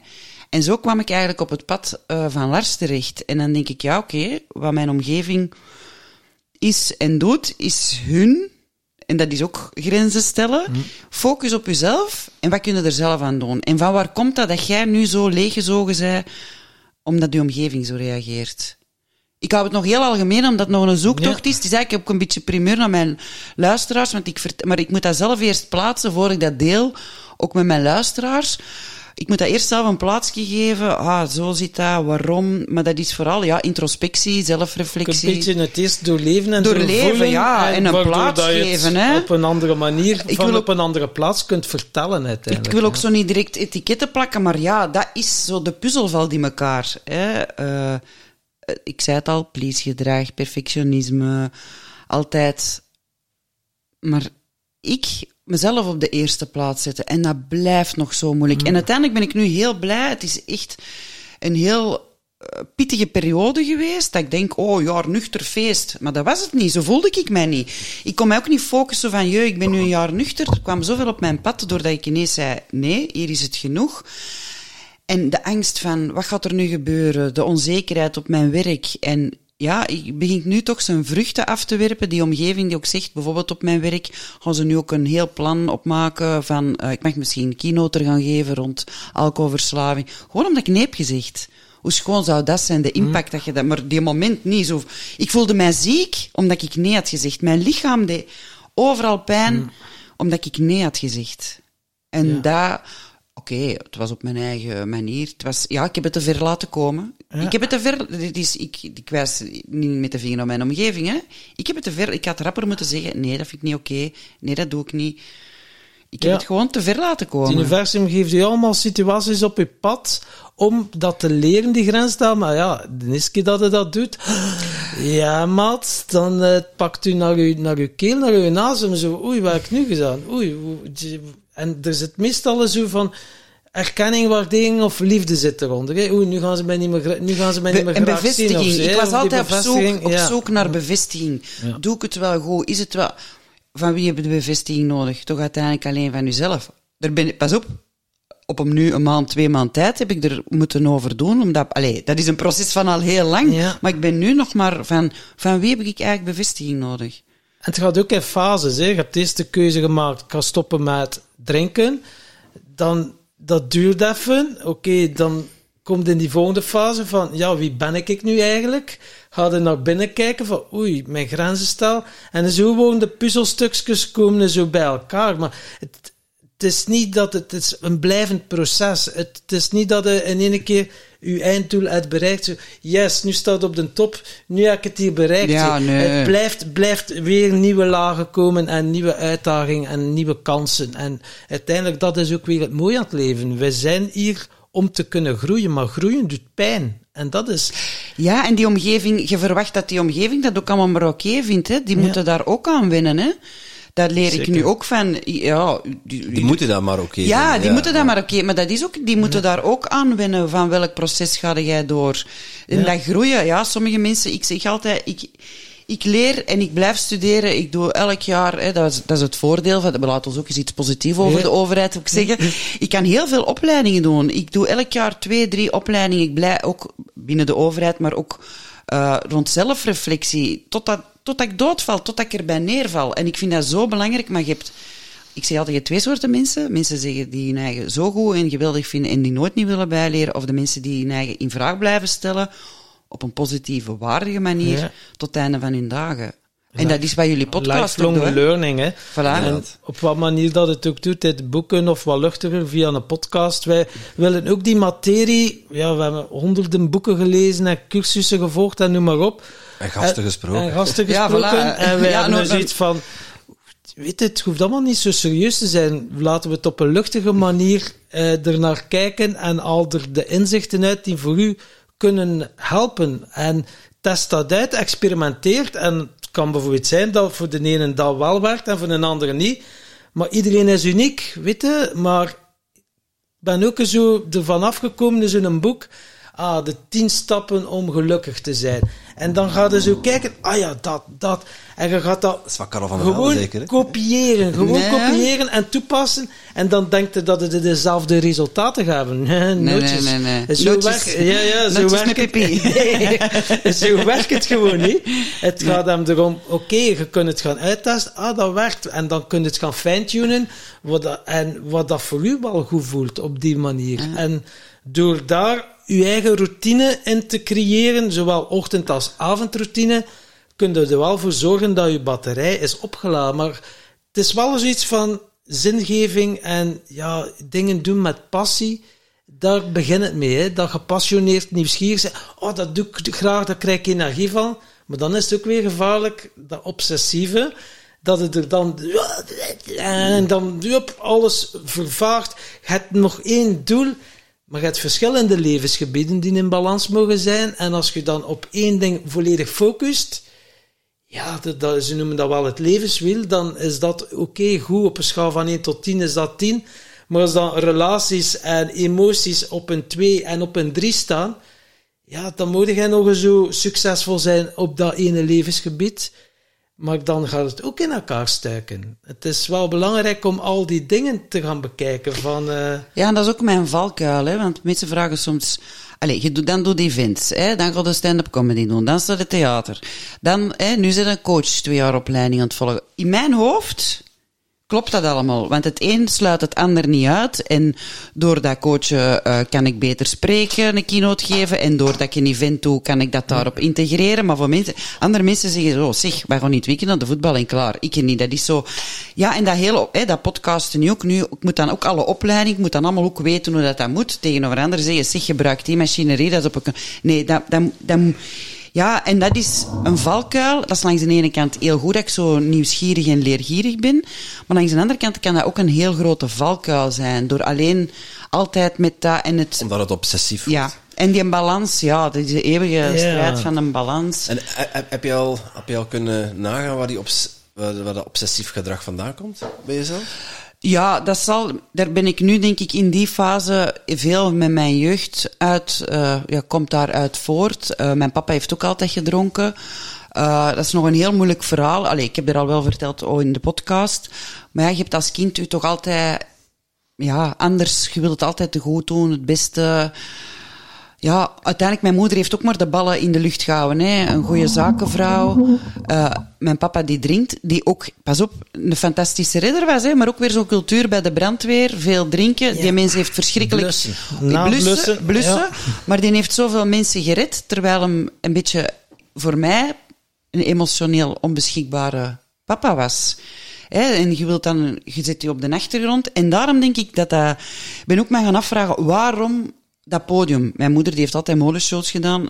Van twee jaar af stak ik op een podium. Dus voor mij is dat ook... Ik heb daar mensen zeggen, allee, zo voor, voor mij is dat normaal. Maar daar kreeg ik ook die bevestiging. Want wat ik ook op dat podium deed, dat was altijd goed. Mijn punten in school, dat, dat ging zo met... Allee, ik was vroeger altijd de beste van de klas. Dat moest dan ook. En in het middelbaar heb ik dat zo losgelaten dat rebelse dan naar boven kwam. Maar als ik op een podium stond, je kreeg altijd applaus. Behalve op Tim Tom Podcast Festival. Ja, de- de presentatie was fantastisch. Dat maar- dat is moeten vragen, uiteindelijk. Ja. ja, maar uiteindelijk moest ik mijn gut daar ook volgen. Want ik was daar nog niet klaar voor. Ik was blij met die kansen. was super tof met Slons. Dat ging goed. Maar zelfs het heelal...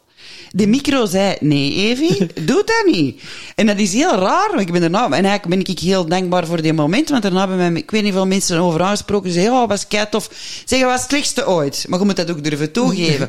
Maar dat was ook weer een leerschool. En dan heb ik ook beginnen, waarom doet mij dat dan zo goed als ik kan spreken voor mensen en inspireren en die impact? Dat is ook een vorm van bevestiging van, dat is wat ik als kindje altijd goed kon doen. zie mij een keer. Zie mij een keer, of, hè, Ja. eh, eh, dat, dat ga, ja, of in een andere uitkruipen. Dat, dat acteren is ook zo. Even, terwijl ik altijd zo'n actrice ben geweest, eh, als ik, dat ik altijd zoiets van mezelf er wou inleggen. Terwijl je perfect een typeke kunt spelen of whatever. Ja. Ja, dat ben ik mij allemaal... Dan denk ik, ja, zijn al die acteurs dan iemand die op zoek zijn? Maar dat is ook niet. Dat is een zoektocht van mezelf. Ja, dat zijn zoveel vragen nog, Ja. die dat ik nog moet meenemen en die dat ik dankzij mijn gasten nog te weten gaan komen, dankzij die opleiding coaching, ook weer zie dat ik mezelf er niet in verlies. ik kan wel de beste coach ever worden, dan, natuurlijk. Ja. hè. Als jij je ergens in, eh, in Als ik vastbijt- mij ergens in smijt. Ja. En jij bent eh, ja, ook podcast, ook zelfs award-winning podcast. Ja, hè? ja, We stonden er al bij, mooi te blinken in onze ja. trofee. Ja. En eh, dus... Want jij had, jij, had, jij had de prijs gewonnen die wij het jaar ervoor hadden gewonnen. Ah, is het Eh, waar? Oh, Host dat of- the Year. Nee, nee, die had ik Allee, niet, hè. nee, Upcoming dat- Talent. De nieuwe Upcoming Talent, ja, Oh, sorry. Ja, niet ja, het, ik was upcoming Timo, talent. Ik ben nog maar pas... Timo. Het ging daar zo, het ging zo snel daar. Ja. Eh, er waren hoeveel? Eh, honderden, honderden inschrijvingen. Eh, uiteindelijk zijn er 15 trofees gegeven. Ja. En we hadden er een en ik was daar zo... Maar daar, je kent mijn campagne, je hebt ze misschien gezien. Ja, ja, Ze ja. was er Heel- los over, zoals die van ons dit jaar daarvoor. Ja, Ah, wel. trouwens, ja. Los erover, heel obsessief, heb ik mij de rebel alleen ingesmeten Ja, ja. en eh ja, dat was echt, je was overal te vinden. En Ja, overal te ja, ja, maar dat is wel mooi, want ja, voor mensen die nog... We hebben het al even gehad, uw podcast noemt Alcoholalarm. Ja. En dus ga je twee wekelijks of maand? Twee wekelijks. Twee wekelijks. Dat is het goede aan mijn podcast. Eh, de release is afhankelijk van mijn herstel. Als ik zo een weekje voel dat iets sneller moet, zal het sneller zijn. Ah. En als ik bijvoorbeeld voel, eh, want we hebben een sterke community op Facebook. Bijvoorbeeld november stond er een podcast klaar met Sven de Ridder en eh, Brik van Dijk, die alle twee drinken. Ik, dat moet ook kunnen, maar bewust. Grappige podcast met van alles. En ik, ik zag, het was een moeilijke periode, veel mensen waren het hervallen. Nee, dat gaan we dan nu niet uitzenden. Heb ik wat geschipperd. Dus twee of drie wekelijks naar hoe dat ik voel. Ja, mijn gut volgen, hè. dat heb ik ook geleerd. En dus alcoholalarm, dus gedeeld het proces hè, Ja. van het stoppen, van het nuchter zijn en zo. En samen met een, eh, met een gast die ook expertise heeft op een bepaald gebied van verslaving of alcohol. Ja, het is zo, het is altijd een beetje intro en outro voordat het interview komt. Ja, de eerste twee afleveringen is gewoon mijn verhaal. Ik stond ook niet bij stil, gewoon ik hier gasten uitnodigen. Dat is dan beginnen lopen gelijk een trein. Eerst anonieme gasten, dan Katrien van podcast nummer 4, die kwam praten. Ja, ze noemt zichzelf Ja. zo. Dat was heel grappig, want ze kwam helemaal anoniem getuigen. En door dat proces van in die podcast te komen, is dat zo schoon dat hij na verloop van tijd er echt ook mee naar buiten is gekomen op social media. En ze noemt zichzelf Katrien van podcast nummer 4. Hoe prachtig is dat? Maar dat is ook stappen zetten in dat proces. Ja. Ja, dan zijn er een paar BV's gekomen, wat fantastisch is, die het dan natuurlijk meer onder de aandacht en bewustwording, en dat heeft dan ook heel veel volk naar mijn podcast getrokken. Maar nu, bijvoorbeeld, heb ik bewust, allee, alsof ik het, nee, niet bewust, nu zijn er drie gold editions, die ik live podcast opneem. Ik heb dankzij Grand Bazaar Shopping eh, een pop-up bar gekregen, een koffiebarretje. Maar daar heb ik bewust geen in- en outro, want ik zit nu in die fase van die introspectie, dat ik zo even heb, nee, ik geef het eerst voor mezelf een plaats, en nu... ehm, jullie mogen dat al weten, komt er dus een seizoen 3. alleen maar vo- Niet op de knopjes drukken, want dat is dan weer die... zo, boe. Zo boe. Nee, nee, dus zal ik terug eh, het systeem oppakken zoals mijn luisteraars dat kennen. Een beetje over mezelf vertellen, stapje per stapje. En eh, ja... Mijn gasten, eh, het zijn niet alleen de BV's of de anonieme getuigen, maar ook coachen, experts ter zake. Of als ik zo een stuk ontdek van mezelf, perfectionisme, heb ik echt een specifiek thema daar Ja. rond. Wat er op mijn pad komt. En misschien daarbij ook een mooie pitch eh, naar Lars. Naar Want dat zou wel eens kunnen zijn dat ik daar nog even gewoon op dieper ga we- doorgraven. Ja, kunnen we dan een keer... Ja, een keer Ja, misschien een beetje. Maar ze moeten eerst luisteren naar jullie aflevering. Ah, en ja. dan kan ik daar misschien nog een stapje, dat dat zo mooi aansluit. Ja. Het, het zou, dat, ik ben aan het zoeken, daarmee nu de gold editions, even geen in- en outro, maar daarna gaan we, ja, gaan ik terug dieper kijken dan het glas. En dan ga ik weer een stukje van mezelf prijsgeven. Maar ik moet het eerst zelf. Ja, ja, want ja, we hebben al eh, een keer eh, iets samen gedaan, want jij deed dan eh, zo van die intieme huisconcerten. En maar dat klinkt weer heel fout, hè, toch? zonder pekens, zonder wortelen En zonder alcohol. en zonder alcohol. Ja. eh, wat dan was ik... eh, wie kwam er eh, een keer even zingen? eh, hoe noemt hij? Tom Helsen. ja, Tom Ja, Helsen. Tom ja. Helsen is al geweest. En dat is heel klein, hè? max 30 mensen. Ja. En nu laatst was Steven Goegebuur, de comedian. Ja. Heel tof, die was in mijn pot. Die ken ik ook van vroeger. Ik heb er samen een comedy mee gedaan. Die is nu, dat was op twee dagen uitverkocht. En zo, ja, de ontbijtjes ook af en toe. Ja, de- is keer, zo, niet te veel. Maar en nu, maar je merkt toch, die lives is moeilijk, hè? want je krijgt er, ik krijg er dan zo'n keichique pop-up aangeboden. Mensen willen dan, moeten we inschrijven? Ik zeg, nee, nee, gewoon komen. Ja. En dan achteraf, hè, je krijgt dan zoveel reactie. Ja, ik, ik ben niet geweest. Dat is toch nog anders dat je dat, eh, want die Sober Saloon studio, dat is bij mij thuis. Dan zijn die bijeenkomsten heel intiem. Maar daar is, je zit in een shoppingcenter. En je merkt dan toch aan de reacties achteraf, ja, mensen moeten wel ineens openbaar, als ze echt een problematiek hebben, terwijl ik ook gewoon naar die eventjes heb ik ook mensen die zeggen, oh, ik wil eens gewoon een alcoholvrije avond. Hè, dan moet, en die, die stappen buiten en van mij mogen die part... Maar gewoon die bewustwording. Ze krijgen dus ook geen alcohol, ook geen 0%, want daar zit trouwens 0,05 alcohol in. En voor de echte zware drinkers kan dat al een trigger zijn naar. Ja. Dus het is echt helemaal alcoholvrij. Maar je merkt toch die lives, ja, de, de mensen moeten ermee naar buiten komen en zeggen van, oh, ik ben hier nu aanwezig en dat wil eigenlijk zeggen dat ik een probleem heb. Ja, nee. ja, ja. Dat is niet, want er zijn ook mensen die gewoon... Dus ja, dat is ja, wel er zit wel uh, iets ja? op. En ja, wij waren dan ook een keer bij jou en we hadden het al kort in de voorbespreking uh, zoiets van... Jij was dan bezig over dat sobersaloon en dan dachten we, ja, met Timothy, van eigenlijk ja, met onze evenement. podcast, zo'n evenement, zo gelijk dat Jong Luca doet, zo'n keer een live podcast, zo dat is misschien wel een idee. En dan is zo, ja, dat was nog bij jou aan de keukentafel. Ah ja, dat is een idee. Ja, we gaan een live podcast. Ja, Vincent van de Put. Ja, dat... steekt ons in de auto. Ja, in de auto. Dus dat is 45 minuten rijden. En we stappen net in de auto. Tadaa! Een volledig Tim Tom Podcast Festival was op drie kwartier. Hadden we onze gasten, onze locatie, alles hadden we op drie kwartier gedaan. En dan is zo, en Timothy, ah ja, maar dan volgend jaar of zo. Ik zei volgend jaar? Nee, nee, dit jaar. Ik zei in augustus zou wel nog tof zijn. En Diep respect dus, op twee weken, denk ik, drie zes, weken. Zes, zes weken. Ah, zes toch, ja, maar dan nog. Zes weken, 200 uitverkocht, 200 man. Ja. En nu hebben we eruit geleerd, uh, nu hebben we een, een event manager, Angelique, die ook al bij ons in de podcast is. En zelfs, ja, uh, we hebben al een datum, 9-9 in Braschaat. Uh, waarom Braschaat?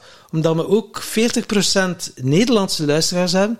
En uh, die hadden zoiets van, ja... Een Belgische feestdag. Heel ja. tof, leuk, maar... Heel tof wat dan jullie niet, doen, maar wij kunnen niet. En dan het zou wel leuker zijn. Dus hebben we Braschaat gekozen. Dus op de grens. Ja, 9-9. En het is en, op, op een zaterdag. Het is op een zaterdag. Ja. Dus, uh, en jullie hebben dan... Uh, Jij Miss Longst was fantastisch, de host.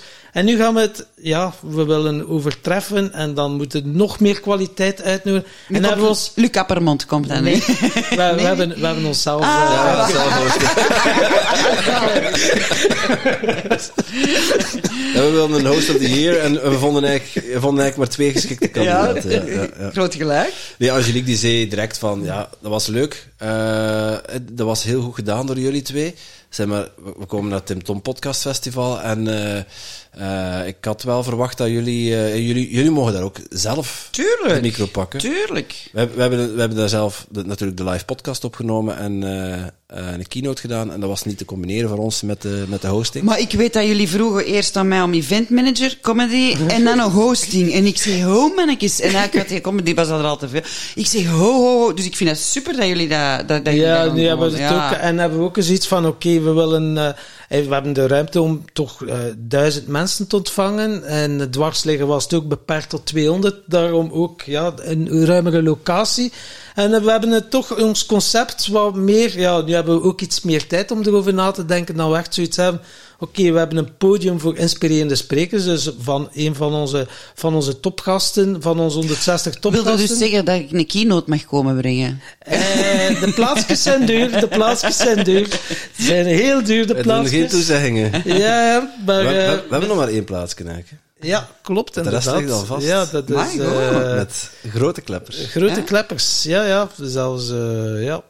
Ja, we gaan nog niet zeggen. Nee, nee, we gaan nee, niet en dan ja, hebben we, ik was moeten onze socials volgen. Ik was hier aan het ja, ik was aan het provoceren. Ja, ja, ja. En de, de, we, gaan, we gaan binnenkort uh, de Save the Date rondsturen. Die zal, als deze podcast online is, wel al uh, bekend ja. zijn. En ik denk okay. dat we rond deze periode, uh, eind februari, begin maart, ook de eerste namen gaan lossen. Ja, Kei spannend. en uh, ja, we hebben dan ook nog het idee van, mensen willen ook, oké, okay, geïnspireerd worden, maar zelf misschien ook nog iets doen. Dus gaan we ook verschillende workshops aanbieden van onze gasten die uh, de revue zijn gepasseerd.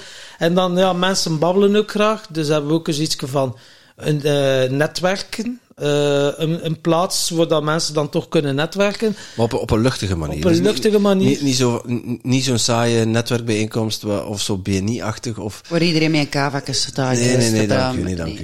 Nee, het mag eh, zo... Kava doen we niet. Het mag, hè. het mag op een iets dieper niveau. Inspiratie, humor.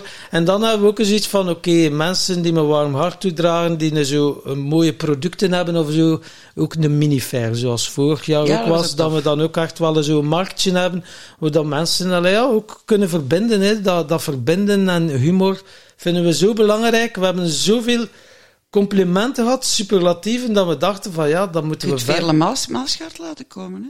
Ja, dat zou kunnen.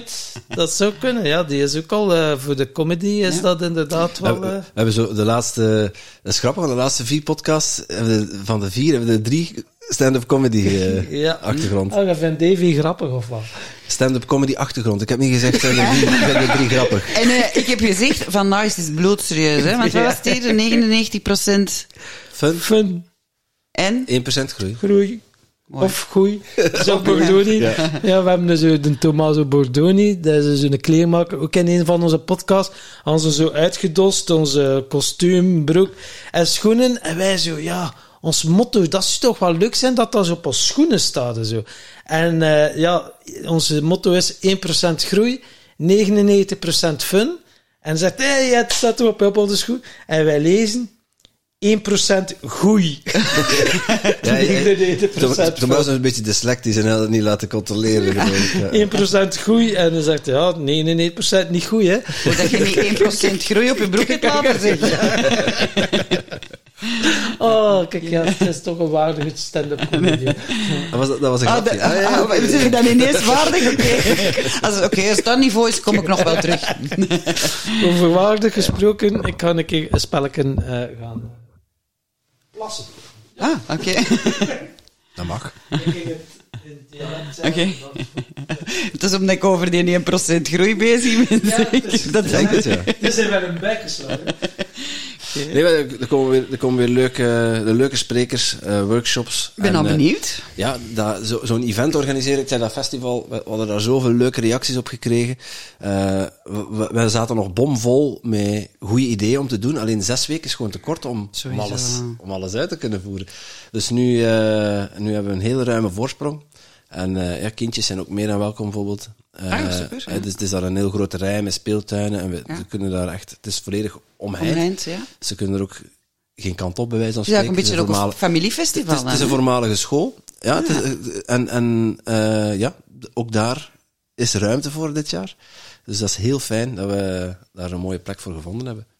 Samen met Angelique had dat... eh, Zeg, en als je de namen bekend maakt via social media of in de podcast waarschijnlijk ook... eh, eh, Wat moeten we in doorhouden? Wat noemen moeten we in de podcast. En eh, eh, inderdaad, de social media. Hè. ja, kijk hoe. En dan mensen, moeten wel inschrijven, hè? Wat bedoel je? Inschrijven voor het event. Ja, ja, de- Ja. we- we- het is een betaald event. Hè.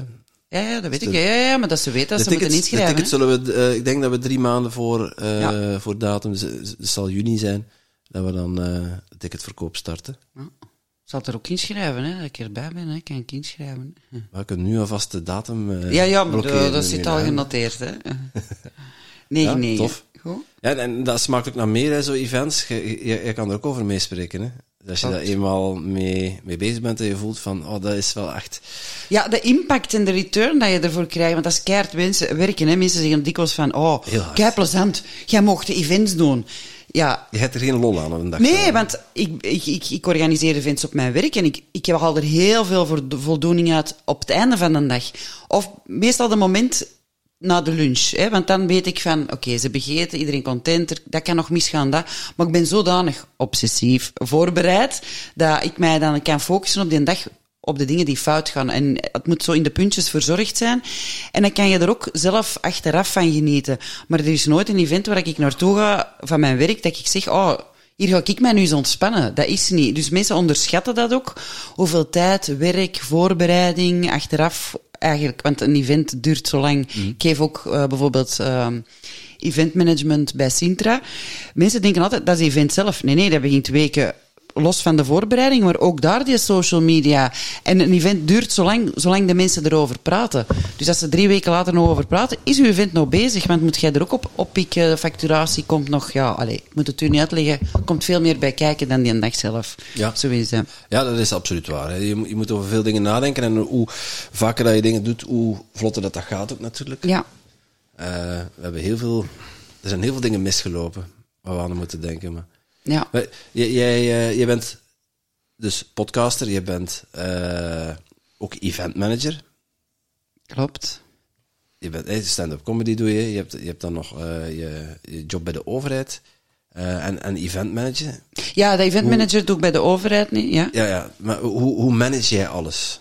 Hoe, hoe ga je om met je tijd? Want als je zoveel dingen doet, dan hou je toch heel veel weinig tijd over voor wie er echt doet in je leven. Jijzelf. Ja, maar dat zijn allemaal dingen die ik graag doe. En eh daar was ik een beetje op gebotst, denk ik. En daarom heb ik die grenzen gesteld. Het wil, het wil ook niet zeggen dat ik nooit op mijn job geen dingen doe dat ik eh, niet graag ga doen. Maar ik, heb een, ik ben ook eh, management assistant. Daarvoor, voor ik event manager was, was ik management assistant. En dan moet je gewoon obsessief, daar moet dat wel met een agenda bezig zijn. Dus ik ben heel sterk, dat durf ik nu wel van mezelf zeggen, in plannen en in organiseren en een agenda. ja, dat mag ook. Anders is dat ook gewoon niet haalbaar.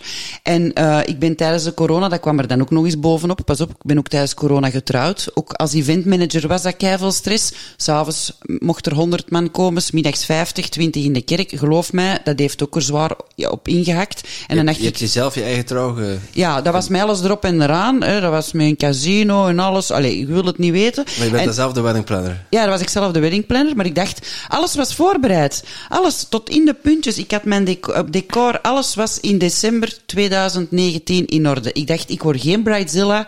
Ik had een PowerPoint zelfs gemaakt voor de feestlocatie, dat en dat en dat. En dat je daar problemen... Ik had muntjes voor in, de, eh, voor in de cava-glazen, met dat onze, onze foto... Allee, tot in de details. Maar ik had alles gepland, behalve de corona natuurlijk. En dan, patat, daar is er heel hard op ingehakt. Dan heb ik op mijn werk ook een functie bijgenomen, communicatieverantwoordelijke. Maar je kunt zo niet meelopen op de werkvloer. Ik ben daar zo hard op gebotst, want ik heb die functie online overgenomen. Dus ik heb die opleidingen ook online overgenomen. Ik ben... Ik was blij dat ik iets naar Sintra mocht gaan s'avonds, want er was dan... Ik was blij, de cafetaria was open. Ik kon niet onder de mensen zitten. Dat was voor mij een verademing. Maar ik was op een duur zo een functie aan het doen, dat er van mij als communicatieverantwoordelijk te veel. En webdesign, en de strategie, en, en, en. En de social dan, media, En de- social media. En de events, ineens van live naar online. Ja, dat, dat, was, dat was op zich te veel, omdat ik niet de juiste, dat is dat perfectionistisch kantje, ik voelde van, ik heb hier niet genoeg skills om dat juist uit te voeren. Ja, en er- te, weinig, of te weinig tijd misschien. en te weinig tijd ook. Want we gingen van een drie-communicatie naar een één-persoonscommunicatie. Allee, dat werd, allee, en daar heb ik nu, en pas op, ik heb wel aan die alarmbel getrokken, maar niet, niet genoeg. Ik had moeten zeggen, hier stopt het.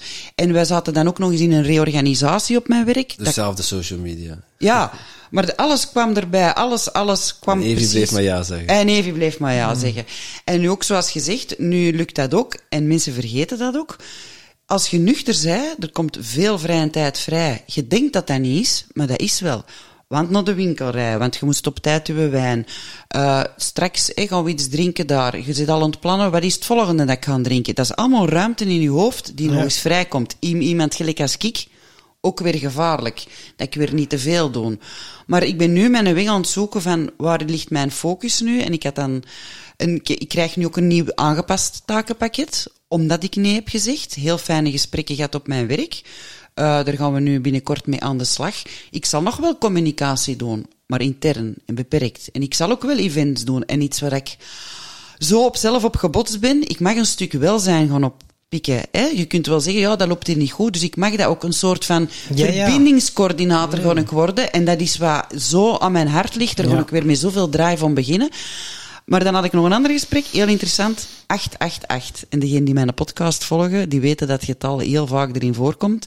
En dat was een afdelingshoofd die zei ook, acht uur werken, acht uur de rest. Allee, hij noemt dat vrije tijd, maar ik noem dat dan podcasten, coachen, mijn gezin en acht uur slaap. En die structuur, doseren ben ik nu aan het zoeken. En daarmee kan ik dat ook managen. Die eventjes ook. Ik heb nu die drie lives. Nee, normale mensen doen één live. Wat zeg ik tegen Grand Bazaar? Jommer, dat pand stof vrij. In plaats, want wij wouden dat zo'n beetje tijdens de kerstperiode doen, tegen de kerstmarten in. Zeg, nee, nee, we doen er nog twee bij. Dat, ik weet ook dat eentje had oké geweest. ja, maar ook weer leren. Nu ook, we hebben nu die eventjes gehad. Steven Goegebuur is geweest. Dat was bom, bommesvol. De volgende, ik mag het misschien al verklappen, gaat Axel Peleman zijn. Maar pa- binnen een paar maandjes. Eerst focussen nu op mijn job. Focussen nu hè, op dat coachen. eh podcast loopt vlot. Ik heb een techniek achter. Doseren. En dan kan ik dat wel combineren. En ja, ik word nu ook al gevraagd voor keynotes. Ja, oké, maar stapje per stapje. Ja, Stoppen ja. met drinken. Dus, dus je kan wel doseren. Je ik kan dat. in Als de ik, podcast bleek dat je helemaal geen rem hebt. ja, ik kan dat als ik daarbij bewust van ben. Maar soms verlies ik mij erin. Dat is, zoals ik zeg, mijn valkuil. Dus het is een continu proces waar je mee bezig moet zijn. Continu. Ik zal altijd... Dat is dat verslavens, verslavingskantje. Obsessief mee Op- bezig moeten ja, zijn. Ja. Verslaving, obsessie ligt heel... Ik denk dat ik gewoon een, een verslaafde geest heb, en dat durf ik gerust zeggen. En je merkt dat bij veel. Ik hoor dat ook bij luisteraars van mij, van ja, hè, ook s'avonds nu, hè, die social media, ook kei verslavend. Ik ga nog rap een post, ik ga nog dit. En voor je het weet, zit heel de avond op die gsm. Ook die schermverslaving, die digitale Ja, verslaving. ja, maar het is allemaal... Mensen gaan dan ook over naar een koopverslaving. Ja, er zijn zoveel verslavingen. Mag ik eens vragen, wanneer is de laatste keer dat jij je verveeld hebt? Ik ken dat woord niet. Ik heb mij nog nooit in mijn leven verveeld. Dat zei, dat ook eens iemand tegen mij van... Ik heb ook tegen mijn man ooit gezegd, kijk, ik zal u nooit niet bedriegen en je gaat u nooit niet vervelen. En al de rest gaat u moeten pakken gelijk als het komt. En dat weet ik al, daar ben ik al lang van bewust. Maar vervelen, ik kan ook niet zo zeggen dat zij van mensen, allee, dat is ja goed, dan kon eens in de zetel gaan zitten met een boekje. Ik moet mezelf, en dat is dan weer gewoon die cursussen, dan kan ik echt zeggen, nu, oh, gisteravond ook, mijn man zit tv te zien, en dan ben ik in mijn cursus, hè, en ah ja, dat is juist, dan ga ik dat eens opzoeken. Uh, Soen heeft er zo, of Mireel zegt dat, de creatieve generalist, maar dat is ons brein, dat is dan niet, dat heb ik er dan ook nog eens bij, dat creatieve. Ja. ja, complex wezen Maar je staat eigenlijk, als ik het hoor, jij staat altijd aan. Rust En de- kan je niet. Ik had van de week nog een gesprek met mijn leidinggevende. Die zei, Evie, pak nu eens uw rust. En die rust vind ik niet. Ja, weet je wanneer? Op vakantie. In de zon kan ik echt zeggen... Maar ja, je kunt niet altijd op vakantie, hè? Dan kan ik zeggen, weg van alles. Ik ga eens een ontspannende boek lezen. Hè? Die, die is Ja, niet... ja, maar je bent wel altijd bezig. Ja. Ja, ja. Ik vind dat heel moeilijk om niet Het is bezig... beangstigend, hè? Stil Krijg maar zijn. schrik van mij. Ja, ja, nee, maar het is dat echt wel beangstigend. Gewoon stilte en even vervelen, al is maar zo tien minuten gewoon zitten en niks doen wat dat er allemaal komt. Want eh, je hebt de neiging, oh, ik kan een podcast luisteren. Oh nee, ik ga wat mediteren. Zelfs mediteren of yoga kan ook een vlucht zijn om niet te gaan eh Ja, maar dat zegt iemand tegen mij, doe mediteren. Wat doe ik? Op een week tijd heb ik 30 verschillende apps ontdekt, 30 verschillende methodes, gelijk ademhalingsoefeningen, dat er ook bij. Weer zodanig obsessief dat ik dan al twee weken beu ben. Ja, ja, ja, maar, maar het is Snap keer... Het is altijd zo smijten. Zo. Vluchten van het op, Ik moment. word bewonderd voor mijn enthousiasme, Ja. maar dat is ook op, opnieuw ook weer mijn valkuil. Zo van, ja, ja, dat is allemaal goed dat je dat zo... Maar soms is even... En ik kan aannemen dat ze dan op het werk zeggen... Evie, je loopt hier soms rond, eigenlijk een botsbal. Maar wat deed ik dan? Ik deed, als ik dan eens een glas dan was ik wat rustiger, hè. Een andere mens niet. Ja, het er- verdooft, ik- het verdooft, hè, ja, ja. Waarom heb ik twintig jaar gebloot? Ik werd daar rustig van. Ja. Ik, een ander, hè, ik werd ook, ik kon daar perfect, perfect, soms, ik- nu heb ik dat interview voor Canvas gedaan, Mhm. en toen zei die mevrouw, dat vond ik wel, eh, die researchers, dat tegen mij, ik zou toch eens het spoor van ADHD gaan opzoeken. Ja. En dan denk ik, ja, misschien wel. Maar doe dat zo druk. ik zou daar ver van afblijven. eh. Ja, het spoor dat ik ADHD Ja, heb, het zijn maar allemaal misschien... labeltjes, hè, ja. Ja, misschien is dat wel. En vroeger werd ik een druk kind genoemd, misschien, maar toen was dat niet. Nu wordt, dat wordt, die etiketten, ik ben daar geen voorstander van, maar ik ben er wel van overtuigd dat dat mij u op de juiste weg zet om ermee aan de slag te gaan, gelijk die codependency. Ik ben zeker, dat heeft mij een soort rust gegeven en de vinger kunnen opleggen van, ah, dat is het, zo kan ik ermee omgaan. Misschien heb ik wel al heel mijn leven ADHD. Ja, dat is ook dat kan. Ja. Of je doet het. Hè. Of iets, ja, maar inderdaad, en ik vind dat een heel goede vraag dat je zegt van, eigenlijk stel je altijd aan. Dat hebben ze mij van de week nog gezegd. Evie, het is oké, je bent in ziekenverlof, je mag. Ik zeg, ja, maar ik wil aan de slag. En dan met dat gaat dat niet rap genoeg vooruit met die controlearts.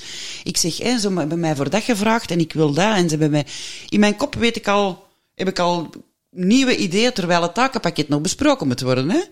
En ja, die rust vinden, ja, dat is moeilijk. Ja, Ja, dus het gaat over doseren, kanaliseren. Is dat wel een interessante om eens eh, hè, jezelf vervelen? Om die verveling eens op te zoeken. Dat deed een Axel Peleman ook eens in mijn dingen. Maskje, maskje.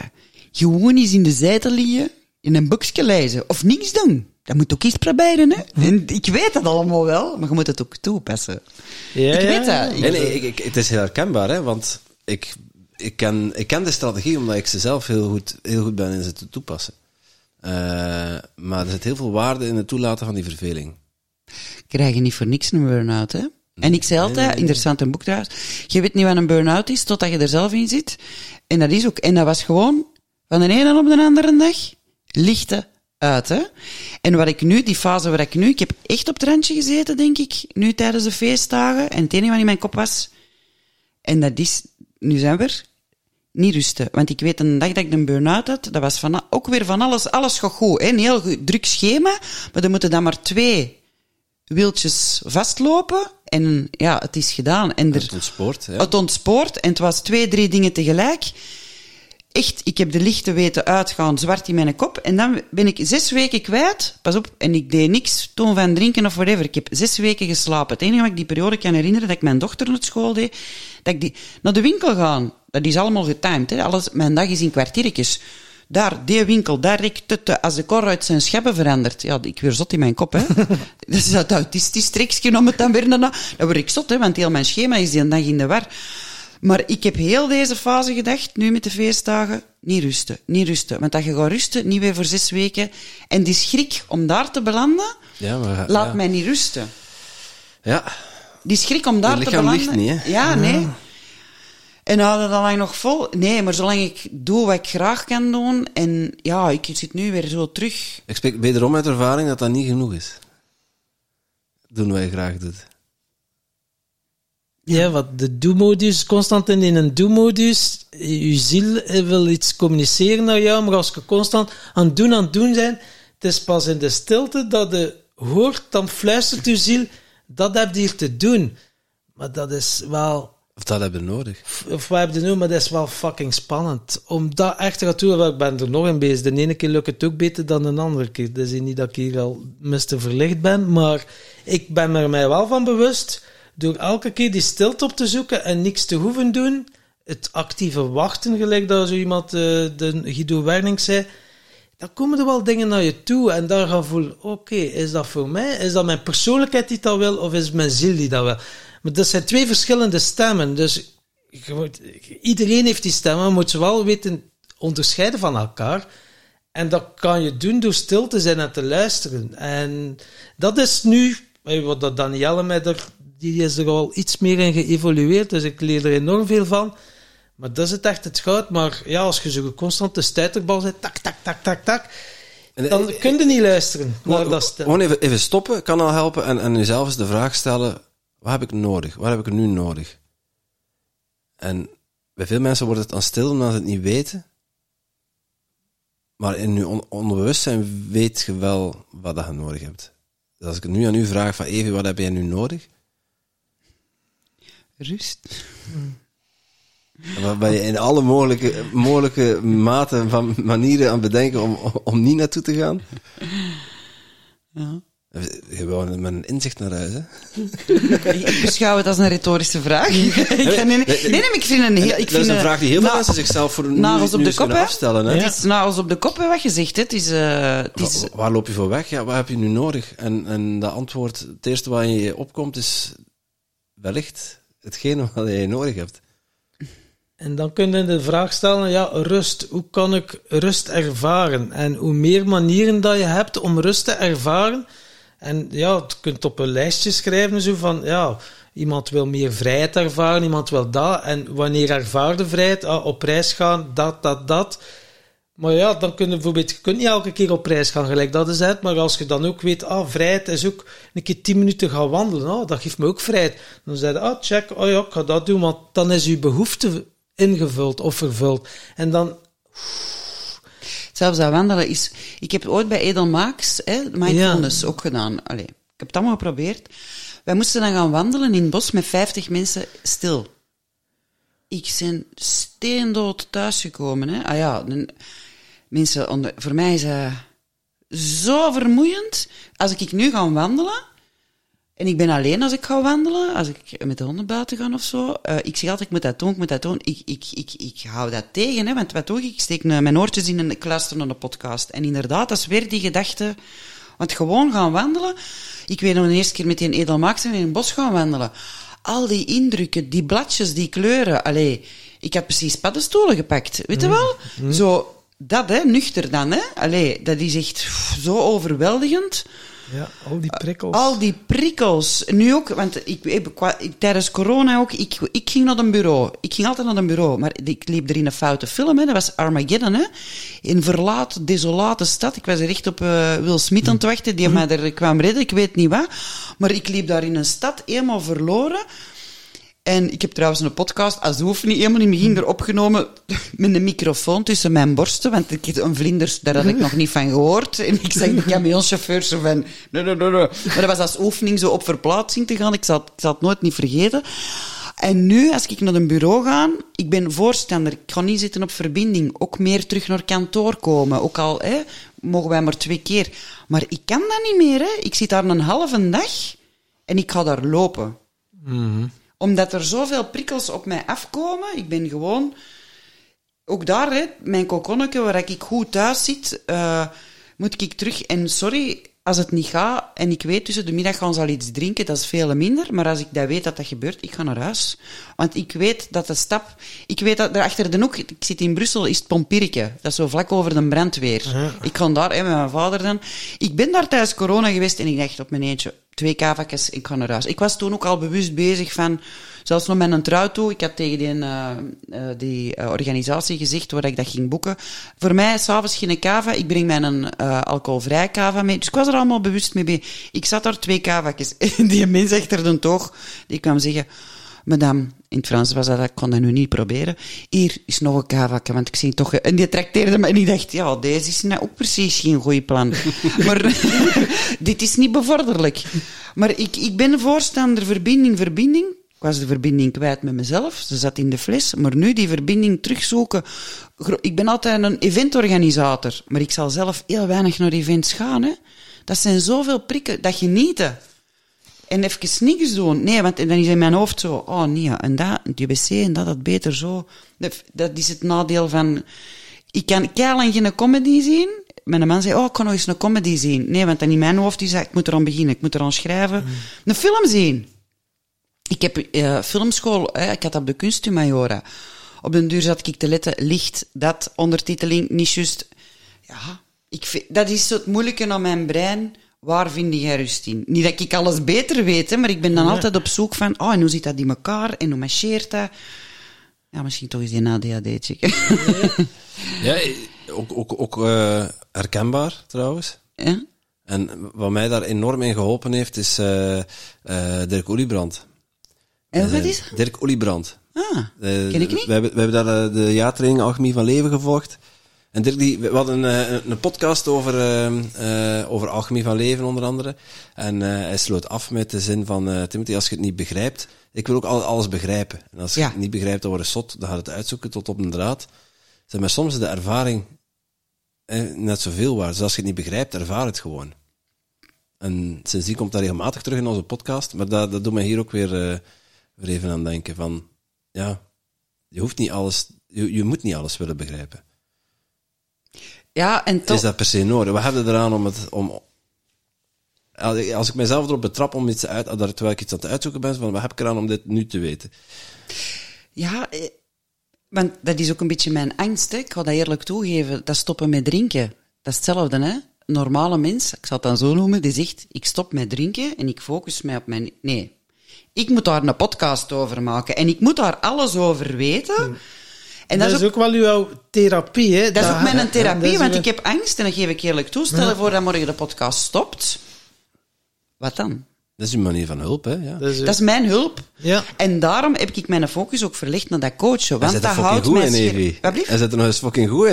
Ja, allee, merci, merci. Ze biedt, ze biedt gewoon blozen. Ja, dat, maar dat is iets dat van vroeger... Dat is een beetje mijn innerlijk kind dat naar boven komt. Want ik deed vroeger buiten gaan spelen met mijn grote cassetterecorder en radioprogramma's opnemen. Ik was dan altijd een Hollander, want die durven dan iets franker zijn.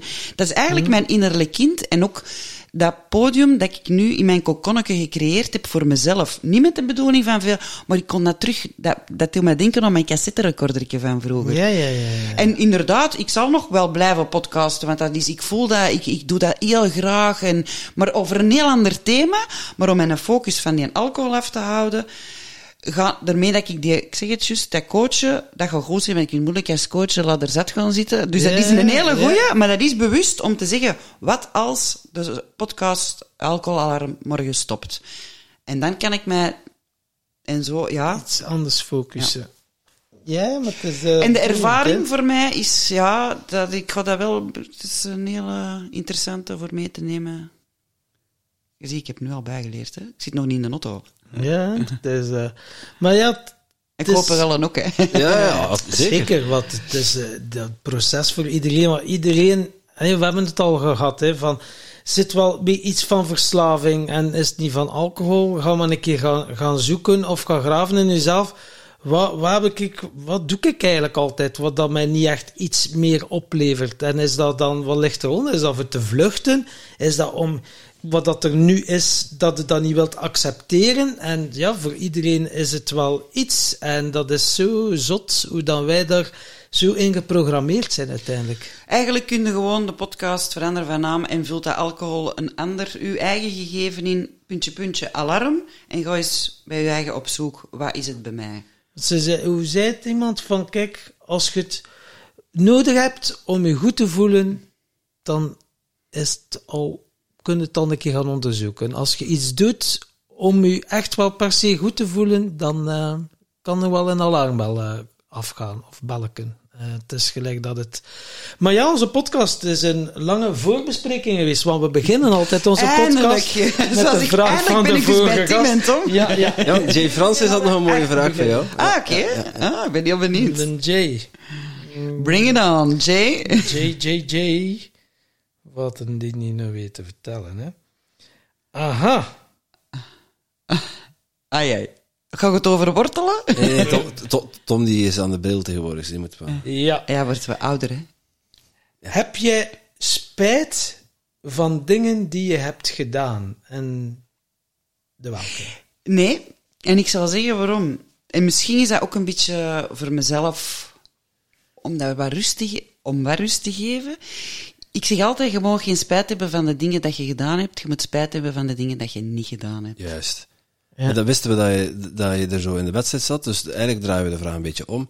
Zijn er dingen die je niet gedaan hebt, waarvan je spijt hebt dat je ze niet gedaan hebt? Ja, veel. En dat kan zo in kleine dingen zitten. Bijvoorbeeld in een interview zitten en achteraf zeggen: Godverdikke. En dat kan in kleine dingen. En daar kan ik dan echt lang op vastzitten. Hè. Ik, heb, ik was ooit in een interview op eh, de regionale tv bij ons. En dan was ik als stand-up, moest ik dan grapjes. En ik moest dan eigenlijk op de bil kloppen van de presentator als ik iets wou zeggen. En ik dacht, in mijn kop klopte dat niet. Ik dacht, ik kan hier toch niet in beeld zo van, ik wil iets zeggen, ik wil iets zeggen.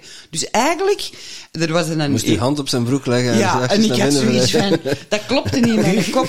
En dat was heel interessant, ik zal dat nooit niet vergeten, dat interview. Dat waren met eh, coureurs die dan kwamen, hè, en die dan de mensen van de weg reden. En ik wou zeggen, ja, zet er een bel, want die zijn anti een belletje. Maar je zegt dat dan niet. En daarna zei er, was er een van de Antwerpen, en ik wou zeggen, jammer, ik ben van een... Allee, dat zijn zo klein... Daar kan ik nu nog op vastzitten, van je hebt je momenten niet gepakt, of je hebt daar mensen niet geholpen, of je hebt dat... En dat dat moet ik een beetje loslaten. Dus ik heb wel meer spijt van de dingen dat ik niet gedaan heb, dan van de dingen dat ik wel gedaan heb. Maar de dingen in de podcast, ik, ik denk altijd van er is gezegd wat er gezegd moet worden. En- Ja, je moet dat, dat is Andere hey, dingen- Maar podcast is een vorm van loslaten, hè? Ja, en, en, en bijvoorbeeld eh, Peter, Peter die ook eh, een vriend van de show is en van ons, eh, die, eh, die nodigt regelmatig een keer een gast uit eh, die wij gehad hebben, om juist door te gaan daar waar wij gestopt zijn. Ah, wel, Je dat wil ik met Lars mooie doen. dingen- Dat wil ik dus met Lars doen, Je ja. laat zoveel mooie, mooie dingen liggen. En eh, ja, Ja. maar ja, wij- wij, zijn, wij zijn ook beperkt in... eh, Ah, niet omdat jullie dingen laten liggen, ze. Gewoon omdat ik dan leer uit die van jullie en omdat ik er dan zelf die... Absoluut. Nee, nee, maar maar niet om ik die reden. ook wel eens, ja, ja. oh, we hadden daar Ja, nog over kunnen hebben, nee. of we hadden daar nog over kunnen hebben. Maar ergens is alles wat er gezegd wordt ook gewoon goed zoals het, zoals het is. Het is Ja, maar dat, dat leer ik, dat is dan het goede aan podcasten. Dat is echt leren loslaten. Ook van. Je moet eh, wel, hè? Ja, je moet wel. En ik heb dan in het begin van. Jij wordt mijn eerste gast, Tom. Ik zal het nooit vergeten. Ja, kun je dat stukje knipje en dat stukje knippen? En ik zo, want ik zeg altijd tegen mijn gasten, en dat is, hè, ja, ja, Ja, ik, nu komen we wat keer te wat weten, En ze. ik zal je dan Nu komen we een keer- wat te nee, je weten. moet niet ze. zeggen waarom, je moet niet, mag gebokt. Ja, dat was met het presence-verhaal. Nee, wat, wat niets georganiseerd en er was dan nog iemand bij. Maar uit- uiteindelijk was dat dan toch niet de samenwerking dat we allebei voor ogen hadden. En ik had dus juist promotie op zitten maken. Drie keer. Drie keer. En dan dacht ik, ja, het is niet meer relevant. Die, die dingen die, Dat eh, zal u leren, hè, om die zo commercieel uit de hoek willen die komen. een dag eh, Profiteren van de gelegenheid dat je uitgenodigd wordt voor de waar. podcast. En Maar hey, het presence gegeven vind ik nog altijd... Hey, dat is nog altijd bonk op. We krijgen nog altijd mooie commentaren. Zeker, zeker van eh, presence? Ja, maar ik neem dat ook nog vaak mee, trouwens, in Ja, mijn... mooie dingen geleerd. Ja, ja, Ja, ja. zeker. Ik ben die mensen heel dankbaar. eh, sowieso. Maar Maar wat ik dus was- wou zeggen, jij ja. wordt dus de ene... Ik zeg dat ook altijd, als je stukken wilt Nou, knippen... als, als ik een gelegenheid krijg om het te pakken, Ja. dan doe ik het. hè. Dan laat ik meester, meester. Ja. ik zal mijn vinger opsteken. Dat- Dit heb ik nog niet gehoord, dus dankjewel, Evi. het eikelverhaal zit nog altijd diep. Ga ik verder, ga mijn arrogantie Ja. zeggen. Oh ja, ja. Fuck. Dat is de podcast met Lars Faber Ja. trouwens. Dat. Eh, wat ik dus wou zeggen. Knip, knip. Ja. knip, knip. En ik dacht, allee, eerst moet ik al op verplaatsing, dan moet ik knippen. En nu- ja, nu weet ik dat, je moet dan van achter naar voor. Ik ben daarop gegaan. Nu gaat dat een flutje van een cent. En in het begin ik vond dat verschrikkelijk. Dat is gelijk zo jingletjes en tunes. Ja, nu heb ik mij daar weer in gevonden. Degene die luisteren naar die bijvoorbeeld van Sven de Ridder of nu de Gold. Ik heb mij helemaal... En nu vind ik dat zo plezant weer, want dan vind ik mijn drive er weer in. Ja. En dan laat ik mij er weer helemaal in gaan. Hè. Eh, maar dan moet ik ook zeggen, Evie, ik ga er altijd wat over, loslaten. De mensen die luisteren weten dat ook. Soms gebruik ik zoiets een disco-geletje, zoals ze dat noemen. Maar dat is dan, ja, dat ben ik dan ook weer. Ja. Dat is dan mijn persoonlijkheid, zou ik zeggen. Maar loslaten, hè. Podcasten is echt een supergoeie oefening in loslaten. En stoppen met drinken is een supergoeie oefening om te leren zeggen nee. Ik heb nog nooit in mijn leven zoveel nee moeten zeggen. Want Ja, dat zeg ik ook, hè. Zeg nee ja. tegen alcohol, dat is pas rock and roll. En zeker in onze cultuur. Dus dat zijn eigenlijk allemaal keigoeie oefeningen. En moest ik er niet zo passioneel, obsessief mee bezig zijn, ja, dan had ik niet de stappen, had ik hier nu ook niet gezeten. Ja. Dus het, dat is de trigger en het gevaar erin, hè. Want nu het is zet door er- zo obsessief mee bezig te zijn, dat je toch dingen ook op je pad komt. Maar het is die grens bewaken, die een balans vinden in mijn normen. En door het tegen zoveel mensen te zeggen, maakt het nog sterker en sterker. Hè? Om niet meer te drinken, hè? wat dat, oeh, stel nu, oké, dan is er geen, eh, er is geen moord begaan. Maar hoe meer dat dat gezegd, je hebt al duizenden, duizenden mensen gezegd van, ah, ik drink niet meer. Dat is Ja. mijn sociale controle Dat dat, ik heb uw- opgebouwd, ja, ja, ja, ja, opgebouwd klopt, heb. hè. En ik zeg ook, daarmee ben ik er ook eerlijk in, want ik ben iemand dat botst en valt. En ik, ik vind, eh, ik moet binnenkort gaan spreken op een thema bij netwerkers over falen. Kijk, falen bestaat niet in mijn ogen. Ik dacht, falen? Ik heb niet gefaald, hè. Ik heb een rock bottom gehad. En nu bezien dat falen is eigenlijk feedback geven. Is eigenlijk feedback dat je krijgt. En dan is dan, ja, ik dat dan misschien wat verzacht. Ik vind altijd, maar dat is mijn theateropleiding dat ik heb gehad. Jij komt op dat podium en in het begin, hè, als, als jong meisje, je denkt, oh, ik ga het u eens vertellen. Nee, nee, het eerste wat ze daar doen, u ziet tot op de bodem gelijk maken. Hè. Ze breken u af, ze kraken u af. Ik ben dat ook Ja, gewoon. gehoord, ja. Ja, ja, dat is echt, ze kraken u eraf. En ik heb dat ook zo geleerd. Alles op mijn werk, ja, het is niet erg, maar dan zeg ik gewoon, hé hey mannen, zeg het gewoon eens gelijk het is. Ik ben nogal vrij recht toe, recht aan. Ik kan best kritiek verdragen. Ik vind dat ook niet erg als mensen, oh, oei, ik ben hervallen. Zo wat? Pak de ballen bij elkaar en gaat er terug voor. Dat hoort erbij. Wij leren, als iedereen altijd zegt, schouderklopje, hè. Wij leren eruit. Zoals ik op jullie festival zei, ik ben daar hè, op mijn bakjes gegaan, omdat hè, met alles bij elkaar vond ik van mij persoonlijk. Maar wat is succes? En ik zeg altijd, succes is dat je een schoon kinneke. Hè, want dat vindt iedereen fantastisch. Maar niemand weet hoeveel keer dat je ervoor gefokt bent voor dat succes te behalen. Toch? Nee. En dat hoort er gewoon bij, zonder falen, zonder die feedback. Om het Hoe zeg je zeggen. Succes is eigenlijk ene keer meer rechtop staan dan dat op je bakken zit gegaan. Voilà. En mijn nou, we haalden nu op uw nek en als je dat morgen drinkt... Ja, zo wat. En als ik morgen drink, dat is... En dat moet ik nu leren. Van wie heb ik die bevestiging nodig? En zeg ik van binnen... ze- Dat kan goed zijn binnen zes maanden of binnen twee jaar, hè, dat ik een wijnsommelier ben. Bij manier van... Ik ga dat niet zijn, hè. Maar... Ik wil maar zeggen dat ik mij daar weer in verdiep. Ik heb dat al ooit wel eens uh, zo dingen maar- shaken. dan- ja, maar ja, dat heb ik ook niet. Ik wil het, ja, je wil het niet weten. Nee, maar ik wil maar zeggen, it's my life. En ja, het is gewoon wat het is. En eh, ja, dat, dat, dat ben ik aan het leren. Eh, niet die bevestiging. En durven zeggen van, kijk, dat ben ik ik. En dat niet, ik vind dat ook niet erg. En Manu Kirsting had er een heel schone quote in mijn... First we had a secret, now we have a story. En dat heeft mij ook weer stappen kunnen zetten in mijn proces van...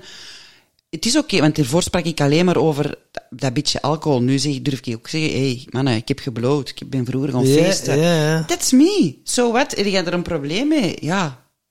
Ja, en dat, heeft mij die stap kunnen zetten. Hè. Dat, die was gelukkig het begin van het eerste seizoen. Hij komt nu trouwens naar mijn live-event ook. En hij haalde toen al eens een keer aan. Hè. Eh, obsessie, dat duveltje. En ja, dat is wel een... Maar dat geeft, geef jezelf ook die een tijd om ermee aan de slag te gaan. Dat te absorberen. En zoals gezegd, nu kan ik... Dat is een tweede keer. Hè, zoals we elkaar dan gasten... Al dan niet, hè, zo Peter Snauw, om daar diep... Maar dat is ook logisch. Ik ben zeker, als jij de Lars nu uitnodigt, dat je weer andere vragen hebt. Ah, ja, ja, we weten Ja, we ja, We voilà. weten toch nu Ja, en het is een momentopname. Dat is ook een vorm van in the Ja. present. Dat was dat Ja. ding. Uiteindelijk is dat dat, dat de cirkel rond. En jij zei ook iets van falen. Wat tips heb je zo voor onze luisteraars? Voor eh, ja, wat heel veel mensen hebben er wel mee te kampen van, oeh, ik ga dat niet doen, wat zie ik keer dat niet lukt of falen. Wat tips kunnen de, luisteraars geven om dat eh met faalangst?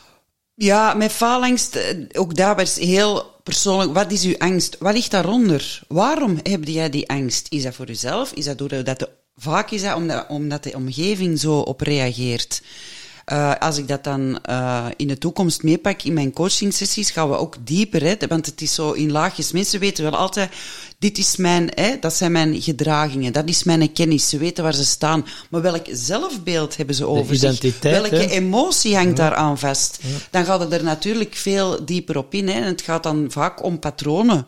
Patronen die je moet daar ontbreken. Hè. Maar het is gelijk die ijsberg. Hè. Dat is altijd Ja, zo dat klopt. schoon beeldje. Wat zit er van boven, maar wat ligt daaronder? Daar ligt de kracht, hè. We Daar zit werken met onderbewustzijn. Ja, want, eh, dat onderbewustzijn, wat zit, daar, wat zit daaronder? Waarom heb jij die angst? Waarom ga jij falen? Eh, Meestal denken mensen dat ze falen, maar ja, het is waar. ik haat het. Eigenlijk vind ik dat geen tof woord. En eh, het is wel... Falen is eigenlijk uitge- uitgesteld succes. Voilà. Het is eigenlijk een feedback om het erna en beter. Moet het beter? Want dan gaat er weer naar dat perfectionistisch. Weer dat balansje zoeken. Ja, maar dat is het. De kracht van het onderbewustzijn. Hè. Het is van die een ijsberg. Hè. Want zo één sessie, of dat nu systemisch is of hypnose of gelijk wat, wat dat je doet, dat staat gelijk aan onder therapiesessies bij een psychiater of bij een psycholoog. Hè. Want Ja. dat is allemaal cognitief. Ja. Maar we zijn niet onze mind. Nee, dat is oké, wel handig om af en toe dingen te doen. Of te beslissen of keus. Maar het is, ja... Wat zit eronder, hè? Wat zit eronder? En daar heb je het op te lossen. Want uw buitenwereld is eigenlijk een, een projectie van uw binnenwereld. Maar durfde naar binnen te keren. Durfde echt van naar binnen te keren. En daar het te gaan oplossen. Want ja... Anders zijn eigenlijk op een spiegel bezig. In buitenwereld zijn jij Ja. aan het fixen en aan het doen, maar ja, dat, dat- zo werkt het niet, Ja. uiteindelijk. En daarmee is het zo heel belangrijk te luisteren waar dat daarachter zit. Achter ieder zijn verhaal. Want falen, ja, dat is heel... En angsten. Goh, de ene heeft... Hè, pleinvrees, en ander heeft angst voor dit. En dan. Ik heb nooit angsten gehad. Ik heb door, de, door te drinken, ben ik paniekaanvallen beginnen krijgen. Hè? Ja. Door te drinken echt, hè. Die anxiety, ik heb dat gehad, dat is gestopt. En ik denk dat ik er nu op een jaar nog drie keer een heb gehad. En door hele kleine triggers, hè. Een keer omdat ik een fles had gevonden in de kas. En ik dacht dat dat daardoor was. Nee, nee, nee, nee. Ik ben pas na een maand of zo te weten komen waarom dat ik er zo... Dat was niet door die fles. Ik weet nu waarom dat, dat is. Ik heb zo een paar keer, drie keer, en nuchter, maar er wel mee aan de slag gegaan op, op profe- professioneel. Ja, ja, maar eh, dat is belangrijk. En dat vind ik ook belangrijk. Van, en dat mag je, en dat is net, ik vind het net super sterk dat mensen zeggen, mensen, dat is nog, ik merk dat ook in mijn community van, ja, ik heb het moeilijk en dit. Mannetjes, er is zoveel om handen. Hulp aan huis. Ik heb het er straks al. Er is zoveel.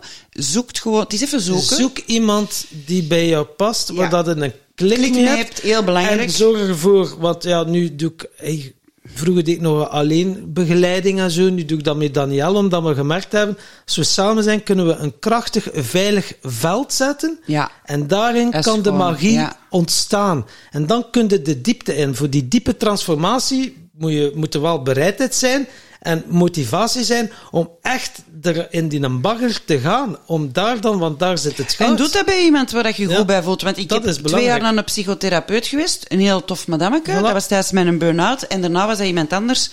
En dan voel ik dat het verschil. Ik heb nu een Dirks, mijn psychotherapeut. Ja, dat is een wereld van verschil. Hè. Lou, hè, mijn coach. Ja, dat is pompen dat, pump op de jam, zegt Ja. Maar dat is wat ik nodig heb. En elke persoonlijkheid, zo is dat bij hulpverleners ook, is anders. Zoekt echt iemand waar je zegt, hier voel ik mij goed en vertrouwd bij. Voilà. En daar draait het om. Dat begint het. Voilà. Heel mooi. En als je je goed voelt en vertrouwd ergens voelt, dan voel je je meestal ook gelukkig. En onze podcast gaat over geluk. En dan voel ik mij happy, zeg. Ja. en ik weet eerlijk, ik weet eigenlijk... ben een keer benieuwd. Wat is jouw definitie van geluk? Ah. Mijn definitie van geluk... Maar vind ik een schoon vraag. Ja, we stellen ze maar in elke podcast. Ja, op de we hebben ze al een 160 keer- we hebben ze al keer. een keer of 165 gesteld. maar ze blijft mooi. Ja, ze blijft mooi. Maar wij weten ook, wij zijn ook ervaren podcasters dat dit gewoon uitstel van executie is. Hè? Dus je bent nu gewoon de vraag aan het ontwijken. Dus we willen gewoon een antwoord van u. Doe maar ik ze met podcast. Heb jij mij nou net een spiegel voorgehouden, Timothy? Nee, nee. Zeg, weet je, wat is jullie definitie van geluk? Hebben ze dat eens al aan jullie gevraagd? Ja, Ja. meerdere keren. Ah, dan heb ik nog niet genoeg geluisterd, blijkbaar. Ja, nee, dan ga je nog eens opnieuw moeten beginnen. Nee, nee, het is Nee, wat is mijn definitie van geluk? Is eh, kunnen genieten. Met een glaasje? Ja, dat dacht ik vroeger, want vroeger was genieten altijd met een glaasje erbij. Zelfs op vakantie gaan, hè. Klopt. Dat was van op de luchthaven. We waren al aan het vieren. Ik wist al welk barkje dat ik ging gaan. Ik wist op de vlieger al welk wijntje dat ik ging bestellen. Ik wist al, ah, voor mij begon mijn vakantie pas echt als ik was mijn gezin op bestemming had gekregen. Ik had het appartement dat in mijn kop zat, dat zoals het moest zijn. En ik heb uitgepakt. En wat doe je dan? Je gaat in de bar en dan zeg je, school. En nu is de vakantie begonnen. Dus op vakantie gaan is, ik ben nu drie keer op vakantie gegaan, een short trip, een langere trip, dat is nog altijd, daarmee heb ik het ook zo moeilijk om die rust te vinden. Hè. Ik ben er met de feestdagen van tussen gegaan, ik heb mijn rust niet gevonden. Hè. Nee. Ik heb mijn rust niet gevonden. En dat is nog het moeilijke. Wat is de definitie van een geluk? Ja, in het buitenland zitten. Ik bijvoorbeeld naar Bali, ik heb er hè, onze vrienden daar. Ja. En terwijl ze er prachtige mocktails hebben, hè, koken, het noem het op, je kunt daar yoga-sessies doen. Dat is het land van de relax. Maar toen ging ik er ook ja, drinken en ik moet dat terugzoeken. En daarom kan ik ook mijn rust niet vinden. En zeggen ze op het werk ook, jij loopt hier rond gelijk een botsbal. Ik kan, ik kan me dat voorstellen. Snap ik. Dus wat is mijn definitie van geluk? Ik denk dat ik daar nog een beetje naar op zoek ben. Zo terug... Eh, uiteindelijk, je kunt cliché, als mijn kinderen gezond zijn, als alles oké is met mijn man, als het op het werk vlot, eh, ehm, vlot loopt. Maar dat zou eigenlijk een constante moeten zijn. Ja, en ik ben een persoon die leeft niet zo in één lijn, maar met hoogtes en laagtes ook. Van, ofwel is het heel goed en uitbundig met mij, ofwel is het zo... En ik heb dat vroeger nooit gehad. Ik, ik dacht dat ik gelukkig was. Want ik was ook met 10.000 en één dingen bezig, maar misschien was ik gewoon aan het vluchten op zoek naar geluk. Ja. Mooie, mooie, mooie definitie. Ja? Ik heb er nooit zo bij stilgestaan totdat jullie mij zo de vraag stellen. Voilà. Dus dank weer, daarvoor. weer een inzicht. Ja, nogmaals, graag gedaan. Eh, geluk en succes gaan bij ons hand in hand. Eh, dus ik ben ook wel benieuwd. Je zei net, geluk is een schoon kinnikebare. Eh, maar ze weten niet hoe vaak dat ervoor gefokt Succes, zit. ja. succes, Succes, sorry. ja, ja, ja, ja, juist. ja. Eh, dus, maar ja, dat, dat, dat klinkt, dat klinkt mij nog te materialistisch voor u om, om echt als succesmaatstaaf eh, te gebruiken. Zo, het einddoel, de, de schone schijn. Dus wat, wat betekent succes voor u? Voor mij is eigenlijk, ik, ik, sta daar niet bij stil. Het is omdat mensen mij ermee confronteren van, oh, maar, maar ik, ja, ik ga gelijk een trein en ik doe wat ik doe en ik doe wat ik graag doe. En dan zeggen ze, amai, dat is wel succesvol. En dan moet ik even stilstaan. Ah ja, dat is waar. Ik sta daar zelf niet bij stil. Eh, bij mij is het meer van, uh, wat bereik ik ermee? Welke impact? En ook weer, ja, dat, dat zal de nooit, denk ik, uit mij krijgen. Events organiseren is ook people pleasen. Hè? Is ook zorgen dat de mensen het goed hebben, dat ze het leuk vinden. Als mensen zeggen, oh, podcast is tof om naar te luisteren. Ik kan dat niet ontkennen. Dat, dat doet mij goed. Dat is ook weer die bevestiging. Maar misschien is dat iets... Voor mij is dat succes van... Mensen kunnen ervan genieten. Weer anderen hè, kunnen ervan genieten. Ja, dat is voor mij succes als ik ergens ga spreken en ze zeggen, maar ja, daar heb ik iets uit geleerd. Of ja, dat is, voor mij is dat succes. Een ander gaat zeggen van, ja, ik ga er veel mee verdienen. Of uh, hm. ik heb er, dat is altijd goed meegenomen, want dat is het erge van ons maatschappij. We kunnen niet zonder hè, dat het ook een centje opbrengt. Maar dat, voor mij is dat geen definitie van succes. Anderen kunnen ook zeggen, ja, uh, er komt 100.000 man op mijn festival. Nee, voor mij is dat, als er dan 30 man, hè, met in het begin is dat ook zoeken op die het zo Barcelona vindt. Als er vier man zat, was dat oké, okay, maar die vier man vonden dat fantastisch. En succes bouwde ook op, hè. Dat is, uh, dat deint ook uit. Hè? Dat is zo dat ripple-effect. Goed. Maar als je, ik denk, als je met de intentie iets start van dit moet succes zijn, is het al gedoemd om te mislukken. Ja, ik denk dat het vooral eerst moet doen met passie. Hè? Ja. Dat het echt graag doet. En dan het geld is dan een logisch Ik denk gevolg, dat er heel weinig zakenmannen zijn die zeggen, ik wil een succesvolle zakenman. Ik denk de echte, oprechte zakenmannen, of degene die echt succes hebben, of zoals jullie met jullie podcast ook, dat vertrekt vanuit een andere intentie. En dat straalde ook uit. Dat kun je ook niet verstoppen. Die authenticiteit en jezelf kunnen zijn in wat je doet, zonder die focus, en dat dat er nou erbij komt, dat is iets anders. En dat dat er een gevolg van is, dat is iets anders. Ja. Maar het mag geen doel zijn, Voilà. denk ik. Heel mooi. Prachtig. Heel mooi. Ze is op dreef, joh. Ja, ja. Van, uh, Je, je, je mag nog een, een vraag bedenken voor onze volgende gast. En wie is dat? Of mag, mag ik dat Ja, niet weten? dat mag je niet weten. Dat weten we niet. Uh, mijn vraag is gewoon heel simpel. Of het is eigenlijk, mag het een doelvraag zijn? Alles maar. Oh, fantastisch. Sta je stil bij je eigen alcoholgebruik en hoe ziet dat eruit? Sta eens... Word er even bewust van en deel het met de luisteraars van de Tim Tom podcast. Of, of een andere verslaving mag Nee, ook, dat, is, hè? dat is mooi, ja, ja. Een mooie vraag. Pas mooie op, ik heb nog A en B en C vragen eronder. Dat is het obsessieve, hè? Hoop, ik niet dat ze bij het, bij het voorgesprek zeggen van waar we het absoluut niet over hebben. Eh, Dus Nee, of heb, je een, of heb je een andere verslaving? Ja. Welk, wat is jouw verslaving? sta, ah ja, sta je Of stil bij... obsessief kantje? Ja, sta je stil bij je alcoholverbruik eh, gebruik, en dan... ehm, Vraag A. Heb jij 1A? Heb jij ook een andere verslaving? Eh, 1B? Is het obsessief? ja, sta je stil bij je eigen alcoholgebruik. Ja, Ja, bijvoorbeeld. Ja. Ik ben al heel benieuwd. Of, of een andere verslaving, ja. Ik ben benieuwd ook eh, wat een Jay van mijn antwoord vindt. Op, Ja, eh, ja. We moeten een keer eh, checken bij een ah, Jay. is goed, hè. Mooi. Eh, als mensen meer willen weten over jou, over wie je bent, eh, of over jouw podcast, waar kunnen ze dan terecht? Eh, uiteraard kunnen ze terecht voor mijn podcast in hun favoriete podcast-app, zoals je die overal te vinden zijn. Je vindt mij ook op Instagram, Alcoholalarm Podcast, of op Facebook. En we hebben besloten, dat wil ik wel heel zeggen, dat vind ik heel belangrijk. Mensen zeggen ook, ook weer naar dat succes toe, zet dat open, heb je meer? Nee, nee. Ik hou die besloten. Je cre- creëert daar een vorm van veilige omgeving. Mensen kunnen hun verhaal daar kwijt. Besloten community. En je kan mij ook vinden op eh, LinkedIn. Ze mogen mij ook altijd mailen, maar dat vinden ze wel als ze naar mijn podcast luisteren. En ik ben ook een beetje benieuwd naar eh, feedback, dus ik zou zeggen, shoot. Bring it on. Bring it on. Mooi, mooi, mooi. Is er nog iets waar dat we het niet over gehad hebben, dat je denkt van, ja, daar wil ik hier nog een woordje over placeren? Dan bel ik u subiet in de auto. Oké. nee, nee, dat kan niet zijn.